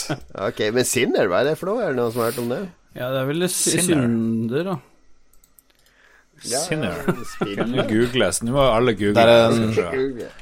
Det er en Lene Sinner. Marlin-låt. Ja. NRK-TV-serie The Sinner. Aldersgrense 15 år, så det er vel det, da. Har etterforsker Jeg, jeg, jeg tror han snakker om Sinner Sacrifice for Redemption. Uh, is a boss battle action RPG. Ok, da vet vi det. Da googla vi det for dere, så du slapp å sette podkasten på pause for å google Sinner videogame. Uh, Ståle, nå må du ta neste. Du, det, er, det er Sensei Saren sjøl som har sendt inn. Han er jo logga sin uh, Du vet eh, NRK, de har faktisk.no. Ja. Faktasjekker. Eh, Sensei Saren, Ja. Jens Arthur, er vår faktasjekker i Lolbua. Ja. Men eh, vi får satse på at det, det som står her, er riktig. Og favorittøyeblikk uh, Vel, det er flere, men jeg husker ennå den første gangen Fate Seed dukka opp ved siden av uh, meg i Far Cry 5 og ble til en bjørn da jeg refleksivt åpnet ild med en M60. Jeg skvatt noe helt inn i granskauen. Det er litt sånn stakkato Da tar jeg lesing, sånn men det er, eh, det er mest fordi at jeg føler at da får folk med seg alt. Ja. Ja. Eh, og når det gjelder eh, den store spillskuffelsen i år, så er det kanskje Far Cry 5, så, som han også var favorittøyeblikk. Men på den annen side hadde jeg gledet meg så mye eh, til det etter å ha vært stor fan av Far Cry 3 og Far Cry 4. Så uansett hvor bra det hadde vært, hadde det vært en nedtur. Uh, og hva favorittspill 2018 er, gjelder, så er det Pathfinder, Kingmaker, Old School RPG og vanskelig nok i massevis. I tillegg har jeg spilt mye Ghost Recon Wildlands etter ekspansjoner og oppdateringer. Pathfinder Kingmaker. Jeg tror han bare putter opp det for å være litt spesiell. Ja, men det er bra, det. Vi, liker. vi har jo ikke gått for den andre varianten, vi heller. Ja, han spiller i hvert fall dataspill, da, Lars. Far Cry 3, 4 og 5 og Ghost Recon. Han her eh, Han er Ubisoft sin største fan i Norge, tror jeg. Ja, Ja. Lars. Jebbedear. Kevin, Kevin Alexander Aas, eh, minneverdig opplevelse i 2018. Psychedelic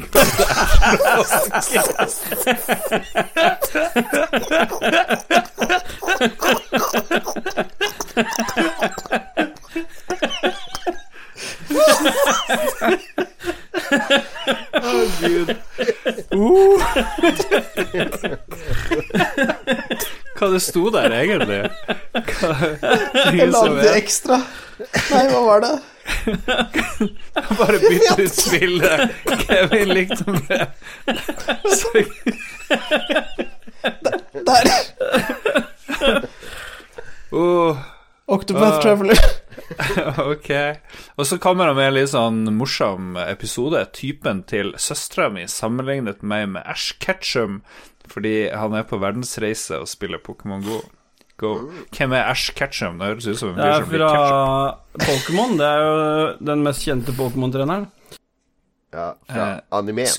Skuffelse Spiderman, Game of the Year, God of War. Kevin, du er faen meg en solid uh, fyr, selv om du liker Psychopath of the Ashen. eh. Ok, Denise B for å avslutte. Gode spilleopplevelser i 2018. Spiderman Smash Bros. Ultimate Splatoon 2 Enter the Gungeon til Switch. Tetris Effect. FIFA 19. Katamari si på Switch. Årets skuffelse for meg at Red Red Redemption 2 solgte så mye til tross for alle kontroversene rundt Rockstar som søplete arbeidsgiver med crunch-helvete for ansatte. Det får være siste ord. Ja, Klokka 11. Holy er folk sitter og ler så de tisser på seg. Jeg håper du som kjære lytter også har det moro med dette visvaset av en eh, årets spillkåring. Er du fornøyd, Lars? Var det dette du hadde håpa på? det ble skikkelig dårlige greier etter hvert. Uh, det her er Psychedelic of the ash. Nå Håper jeg noen gidder å teste for oss, bare for å finne ut hva det er for noe, til PS Vita. Ja, det der andre på Gameboy Advance fra 2004. Ja, det var Astroboy. Det- er også måtte Astrobot. Ja, på Gameboy, ja. Ja, Astroboy og Psychedelic. Det er morsomt. Eh, hvis dere syns det er morsomt, vi lager jo veldig mye greier. Nå kommer det jo det her, og det kommer eh, Ruffelbua. Sjekk oss ut på Patrion. Det er verdt å støtte oss med noen Er kroner. det den Det er episoden du skal bruke som innsalg til Patrion? Jeg jeg har drukket ganske mye Isbjørn Light her, så det er ikke gratis, for å si det sånn. Fra Mack. Mack bryggerier. Uh, og så må vi huske at uh, storen vår, vår, Våres. på uh, lolboathreadless.com uh, forsvinner jo til nyttår. Stemmer ikke Det det? er nesten et år til. Eh, Ja, 20, det- 2020 at det der momsgreia skjer. Tid er relativt, så det forsvinner før du vet om det. Så gå og bestill uh, sånne her fine klær. Dag Thomas er vår store manager, men jeg føler ikke at du liksom eh, Følger opp. følger opp Mm. så veldig. Har du noe til ditt. Du har bare gjort jobben min. Men det går ikke an å kjøpe den der eh, Run DMC-utgaven. Er det noen grunn til det? Du kan kjøpe laken av Lars etter nyttår. oh, Nice. Oi, Som er julekortinspirert? Eh, ikke Altså, det er jul. julekortet. Vent da, vent da. Det er jul. Slapp av, kos deg i jula, og spill masse gøy i romjula. Det kommer en uh, spesialepisode av Lolbua en Sidbua i romjula, og så Oh. slår vi til med en stor nyttårsforsett-episode uka etter det, altså første uka i januar. Da har jeg funnet ut, kjære medprogramledere, at vi skal velge Vi skal ha tre nyttårsforsett hver. Det må være to, så vi får velge sjøl, og så skal vi få lov å velge et nyttårsforsett for hverandre. Vi skal lage en hatt med nyttårsforsetter der vi må velge en ting vi må prøve, For eksempel bade i havet i, det, i januar. Følge og holde løfter, Eh, mener du? Ja, holde løfter. Ja. Eh, spise eh, noe nytt, osv. Vi skal Mm. finne nyttårsforsetter, og vi skal Skal vi spå om spilleåret 2019? Det er jo også Oh. det jeg hater. Det er nesten Ja. like mye som GVG. Og så må må vi sjekke Deadpoolet vårt. Hvem har dødd i 2018? Vi spådde jo masse folk skulle dø. Eh, har vi Jeg spør i hvert fall at lyttertallene våre kommer til å dø etter denne episoden. Det er Ja. Og idet du hører det her, så er ny eh, Roffelbua ute. Eh, hvis, I hvert fall hvis du hører det her på onsdag. Du merker når du har drukket, Lars, Fordi da er det umulig å avslutte en episode. For du har alltid En ting til! En ting til! One more thing! Ok, Kan du bare si god jul til lytterne og si at du er glad i dem? Eh, god jul, alle sammen. Spill Psychedelica of the Ashen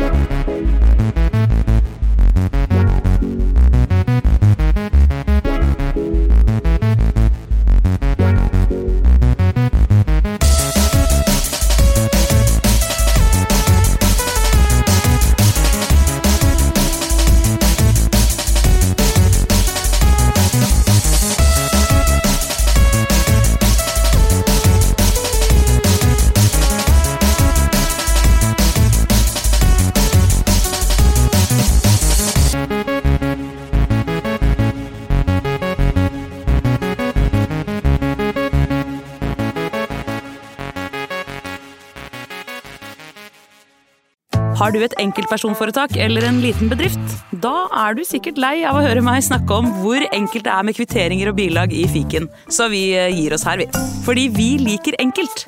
Fiken superenkelt regnskap.